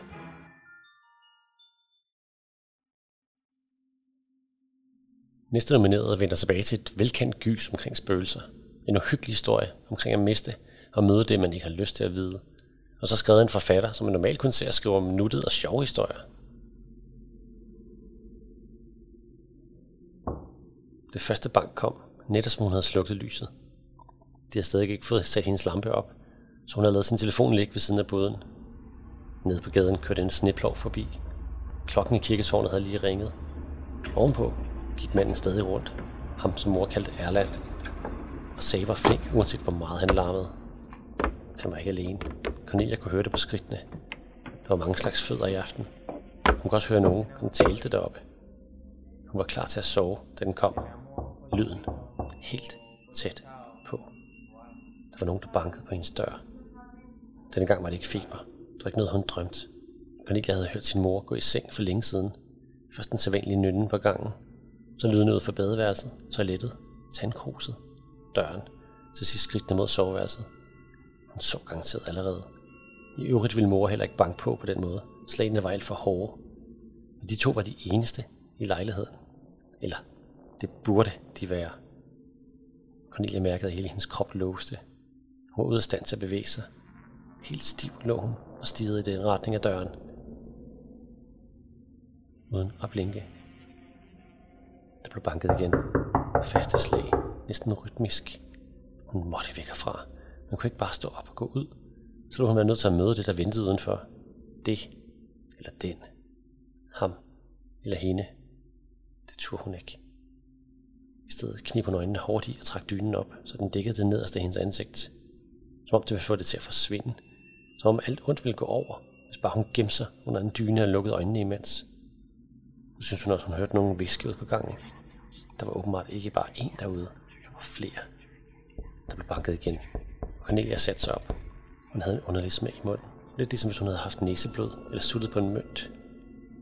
I samme sekund mærkede hun et koldt vindpus feje gennem rummet. Det var den samme kulde som den første nat i huset. En vind, der ikke kom fra hendes vindue, men bare pludselig var der. Om lidt ville nogen helt sikkert gribe fat i hendes dyne. Først bank, så kulde, så hænder på dyne. Maskernes hus skrevet af Lars Daneskov og udgivet gennem Gyldendal. Kan læses for 10 år. Det handler om skilsmisse, forældre, spøgelser og uhygge. Cornelias forældre er blevet skilt, og hun er meget ked af det og har slet ikke lyst til at starte en ny skole. Hun savner sin far rigtig meget, og kan ikke forstå, at han har forladt hende for at være sammen med sin nye kæreste Fanny. Cornelia, hendes mor, skal have vist en ny lejlighed, en oldgammel bygning af den mystiske herr Svarts. Huset, de flytter ind i, er udsmykket med skræmmende stenansigter, der synes at skrige med tomme øjne. Allerede første aften blev hun syg, og hendes feber, og ser hun pletterne på væggen, der ligner forskellige ansigter. Om natten vågner hun med nogle banker på døren, og det føles som der er nogen, der hiver hendes dyne. Der sker mystiske ting i huset, og en dreng fra skolen kalder huset for Maskernes Hus. Han fortæller, at det spøger i huset, men huset kan da ikke græde. Kan de? Forsiden er lavet af Harvey McCaldy, og forestiller et skræmmende hus i bunden af siden, hvor der kun er lyst i det enkelte vindue, og hvor en skikkelse anes. Foran husets port ser man endnu en skikkelse med jakke og hat. Flere sorte fugle flyver over huset. I toppen ser man et lig med lysende gule øjne, og munden åben i et tavs skrig. Man er slet ikke i tvivl om, at det her det er en gyser. Og uhyggeligt, det er den. Lige fra start bygges sin stemning op, og Karoline forsøger at finde ud af, hvad der er, der sker i det mystiske hus med sine mærkelige naboer. Lars Daneskov har skruet en virkelig god gyser sammen, og selv indtalt lydbogen med musik og lydeffekter. Maskernes hus var hans første gyser, men der er siden kommet en mere, der hedder Med døden til følge. Jeg kan kun håbe på, at han holder takten, for gyserhistorier, det er lige ham.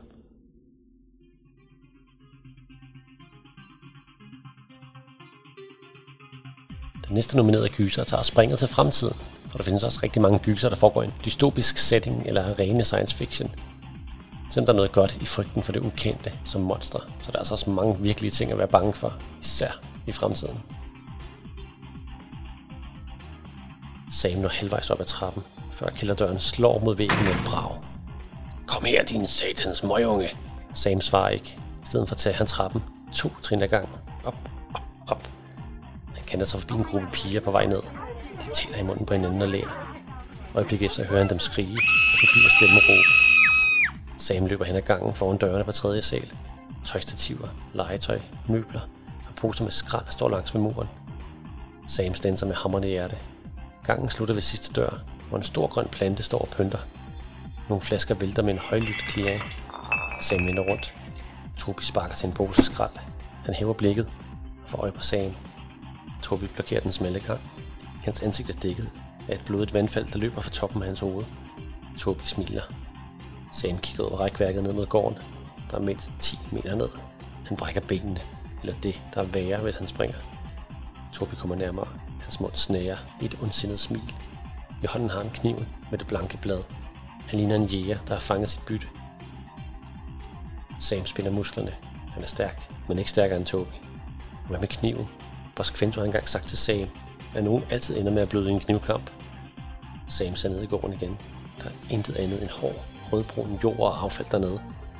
Kom så med mig, Sam, siger Tobi med en rolig stemme. Han lader hånden med kniven synke ned langs siden. Jeg skal bare have det, der er på din chip, så får du lov til at gå.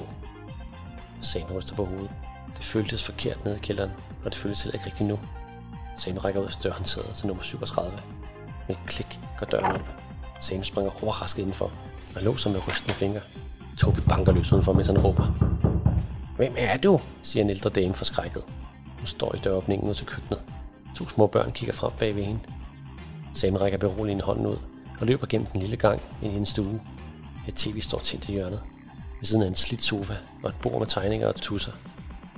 Sam springer op på den åbne glasdør i hjørnet og springer uden for altanen. Han træder på en stol, der knæger under hans vægt, og sætter hånden på væggen. Sam trækker vejret dybt ned i maven, og så træder han op på kanten. Det giver et sug i maven, da han kigger ned. Inde i huset græder et barn, og høje stemmer ud til Sam. Noget hårdt falder på gulvet derinde. Sam springer. Den grå planet er skrevet af Helle Perrier og udgivet gennem forladet Krabat, kan læses for 10 år. Det handler om fremtiden, klimaændringer, fattigdom og kriminalitet. Verdens befolkning er eksploderet. Der er ikke flere skove og marker. Landsbyer og græs findes ikke længere. Verden består af betonbygninger under en konstant grå himmel. Der er skrald overalt, og folk skal være heldige for at have et sted at bo, også selvom det bare er en båd. Sagen bor i en nær fremtid hjemme ved Kokos slumkvarter med sin mor og sin lille søster Naninka. De er meget fattige, efter hans far døde. Han har fået indopereret en mikrochip i hånden, som han kan bruge til at smule data i verdens største by Lagos. Det giver gode penge, hvis man kan undgå politiet og andre ubehagelige mennesker. Sam er blevet løber for Boss Quento, fordi han er et barn, så det er let at slippe igennem byen uset, og dagens job giver dobbelt løn. Men allerede når han for de hemmelige og dyrebare informationer i sin chip, bliver der skudt i området. Sam må stikke af og bliver snart jagtet en hæsblæsende historie i et forsøg på at nå frem til sit mål, inden hans informationer og chip falder i de forkerte hænder. Forsiden er tegnet af Aske Smith Rose og forestiller Sam, der i bedste parkourstil springer over et stakit under et topsejl. Man fornemmer den grå by og affaldet, og forsiden signalerer fart og tempo. Der er flere flotte illustrationer inde i bogen, der supplerer handlingen. Bogen er spændende fra start til slut, og også lidt uhyggelig. Til sidste bogen bliver FN's 17 verdensmål beskrevet sammen med de mål, som bogen omhandler, da den også er en del af serien Klodebøger, der har flere forfattere med, der skriver om relevante emner om verdensmålene. I den gule planet møder man pigen Ayla i ørkenen, der forsøger at befri sin søster fra pirater i samme dystopiske verden som den grå planet.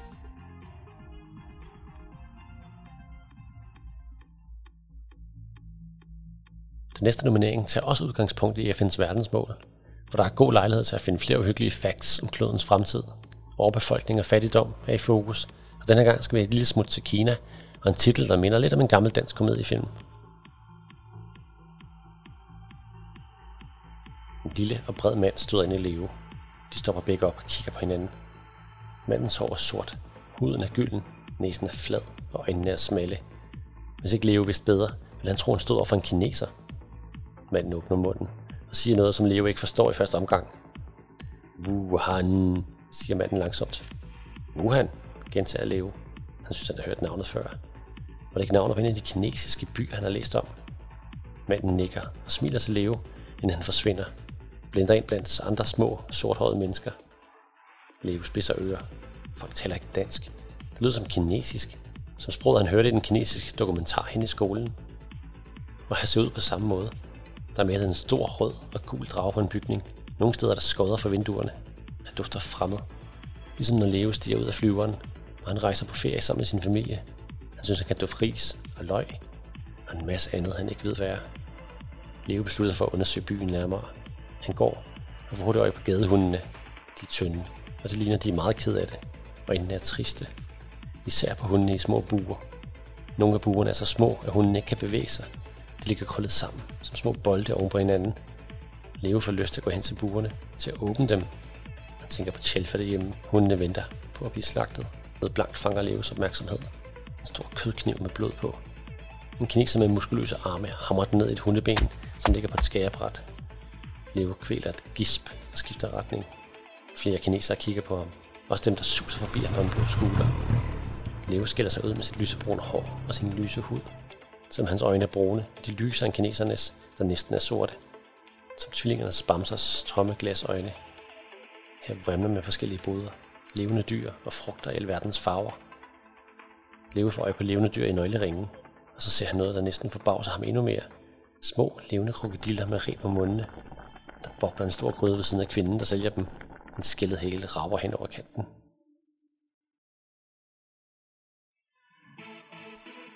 Myrepatter 1 i Kina spiser de børn er skrevet af Laura og Helena Pimpernel da Silva og udgivet gennem forlaget Letura. Kan læses for 10 år.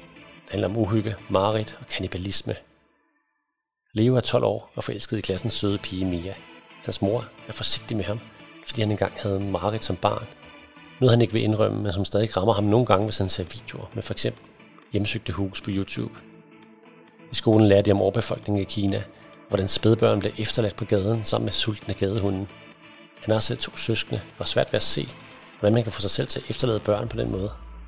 Derhjemme fortæller hans far om, hvordan kineserne bruger døde børn til piller, og det får Leo til at søge på YouTube hele aftenen, hvor han finder andre frygtelige historier om Kina. Så frygteligt, at han har svært ved at sove, og pludselig befinder han sig i Wuhan med Mia, hvor en stor mand med en kødkrog jagter dem for at høste deres organer. Bogen er illustreret af den fantastiske Rasmus Jensen, hvis flotte forside viser Leo og Mia i mørke, der hånd i hånd stiger ned ad en skummel gade i et kinesisk kvarter. For enden af gaden står en stor mand med en uhyggelig krog i hånden. Der er flere uhyggelige og farverige illustrationer inde i bogen, og vi knetter på alle siderne, der viser orientalske tage og en drage. Det er et uhyggeligt emne, og det kan være endnu mere skræmmende at tænke over. Men mere end halvdelen af historien er bare Leo, der hører på historier i skolen eller googler informationer, og man er aldrig i tvivl om, at slutningen var en drøm. Det ligger desværre en god dæmper på uhyggen. Den skal nok stadig nok skræmme en del mennesker. I slutningen af bogen er der to sider med facts om verdensmålene. Lige nu er der kun kommet en enkelt bog i sagen med myre patter, men i slutningen af bogen lover Laura, at der er en forestillelse på vej, hvor rejsen, eller nok mere drømmen, går til Færøerne.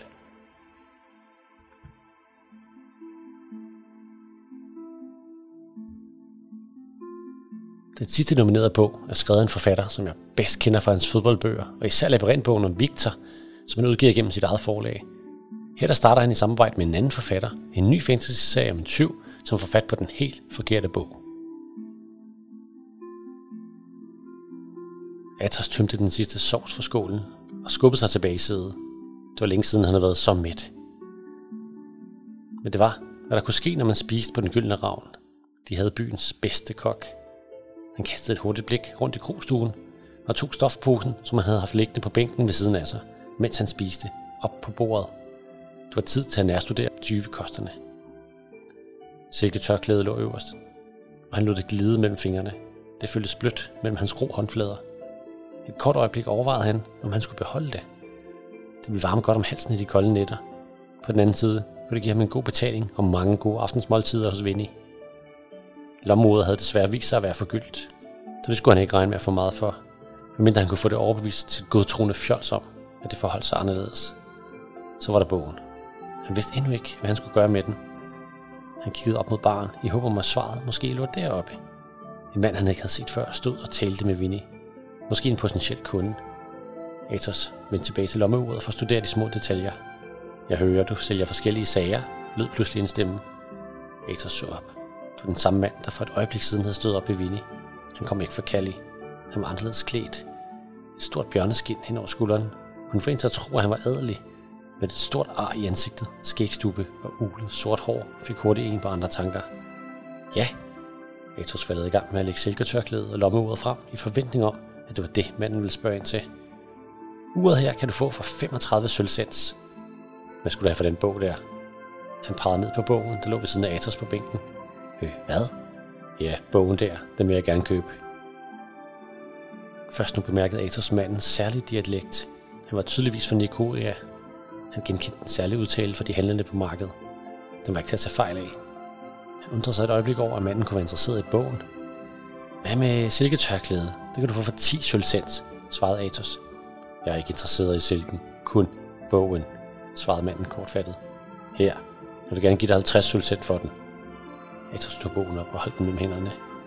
Han skulle lige til at give den til manden, da han pludselig ombestemte sig. Hvorfor ville han give så meget for en simpel bog? Hvad med 150 sølvcent? udbrød Atos, velvidende om, at han selvfølgelig aldrig ville få så meget for den. Men han kunne alligevel ikke dykke sig. Manden grøntede og studerede Atos et øjeblik. Det er en aftale. Værsgo. Manden tog mønterne frem og lagde dem på bordet foran Atos. Igen tøvede Atos, stadig med bogen i hænderne. Nu endnu mere mistroisk end før. Hvis manden ville give så meget for en bog, måtte den være noget helt særligt. Det ville måske kunne indbringe ham endnu mere på et af markerne. Hvad bliver det til? spurgte Nikoreneren usålmodigt. Atos rystede på hovedet og lagde bogen ned ved siden af sig på bænken igen. Jeg har ombestemt mig. Nævn en pris. Den er ikke til salg. Dekoreren strakte sin hånd frem og tog hårdt fast om Atos skulder. Giv mig så den bog, knurrede han. Atos følte en jæne smerte i skuldrene. Jeg sagde nej, vrissede han og vred sig fri af Nikorianerens greb. Giv mig den, råbte manden. Han greb om Atos hals. Atos kispede forværet, men så lettede trykket igen. En kutteklædt mand havde snedet sig om bag nekorianeren og presset to fingre mod hans hals, samtidig med at han viskede ham noget i øret. Nikorianeren slap sit til Atos og vendte sig i stedet for om og forsvandt ud af krogen. Det hele gik så hurtigt, at Atos havde svært ved at forstå, hvad der var sket. Men så genfandt han fatningen, pakkede sine ting sammen og gjorde mine til at gå. Du skal ikke gå derud, sagde den kutteklæde. Jeg skal heller ikke være herinde, svarede Atos prompte og satte kurs mod køkkenet. Han ville tage krogens bagindgang. Kalmus fortællinger net, Blodbad i Baria, er skrevet af Lars Bøholt Petersen i samarbejde med Jakob Oliver Krarup og udgivet gennem forlaget Pronto. Det kan læses for 10 år. Det handler om skæbne og magtkamp. Efter den store krig er landet blevet delt op i fire hertugdømmer. Kali, Baria, Alba og Nikoria.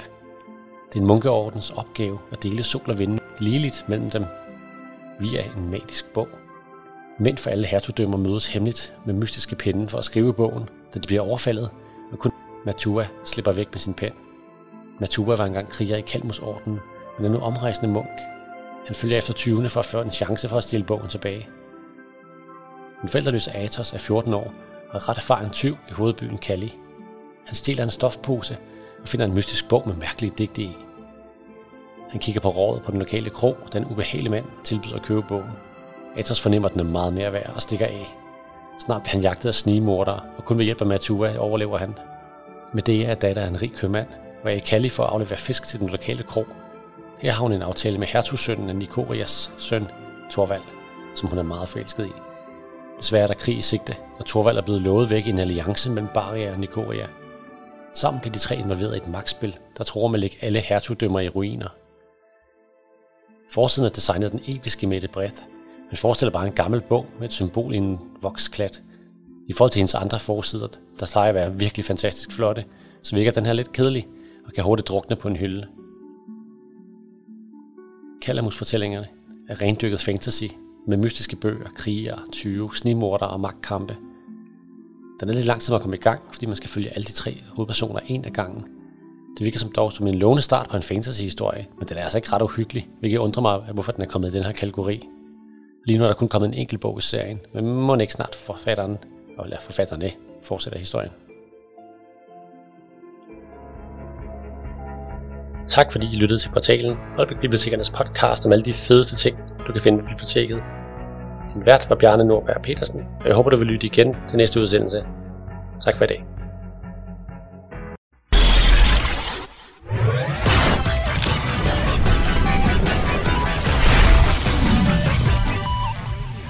Det er en afsluttet historie, så der kommer desværre ikke flere fortællinger om Uwe. Fordi han dør. Fordi han dør. Selvom mor syntes, hans væsener var uhy- uhyggelige, og far ikke forstod, hvorfor det, det går helt galt, det her Bjarne. du skal bare starte sætningen forfra. Det er det nemmeste.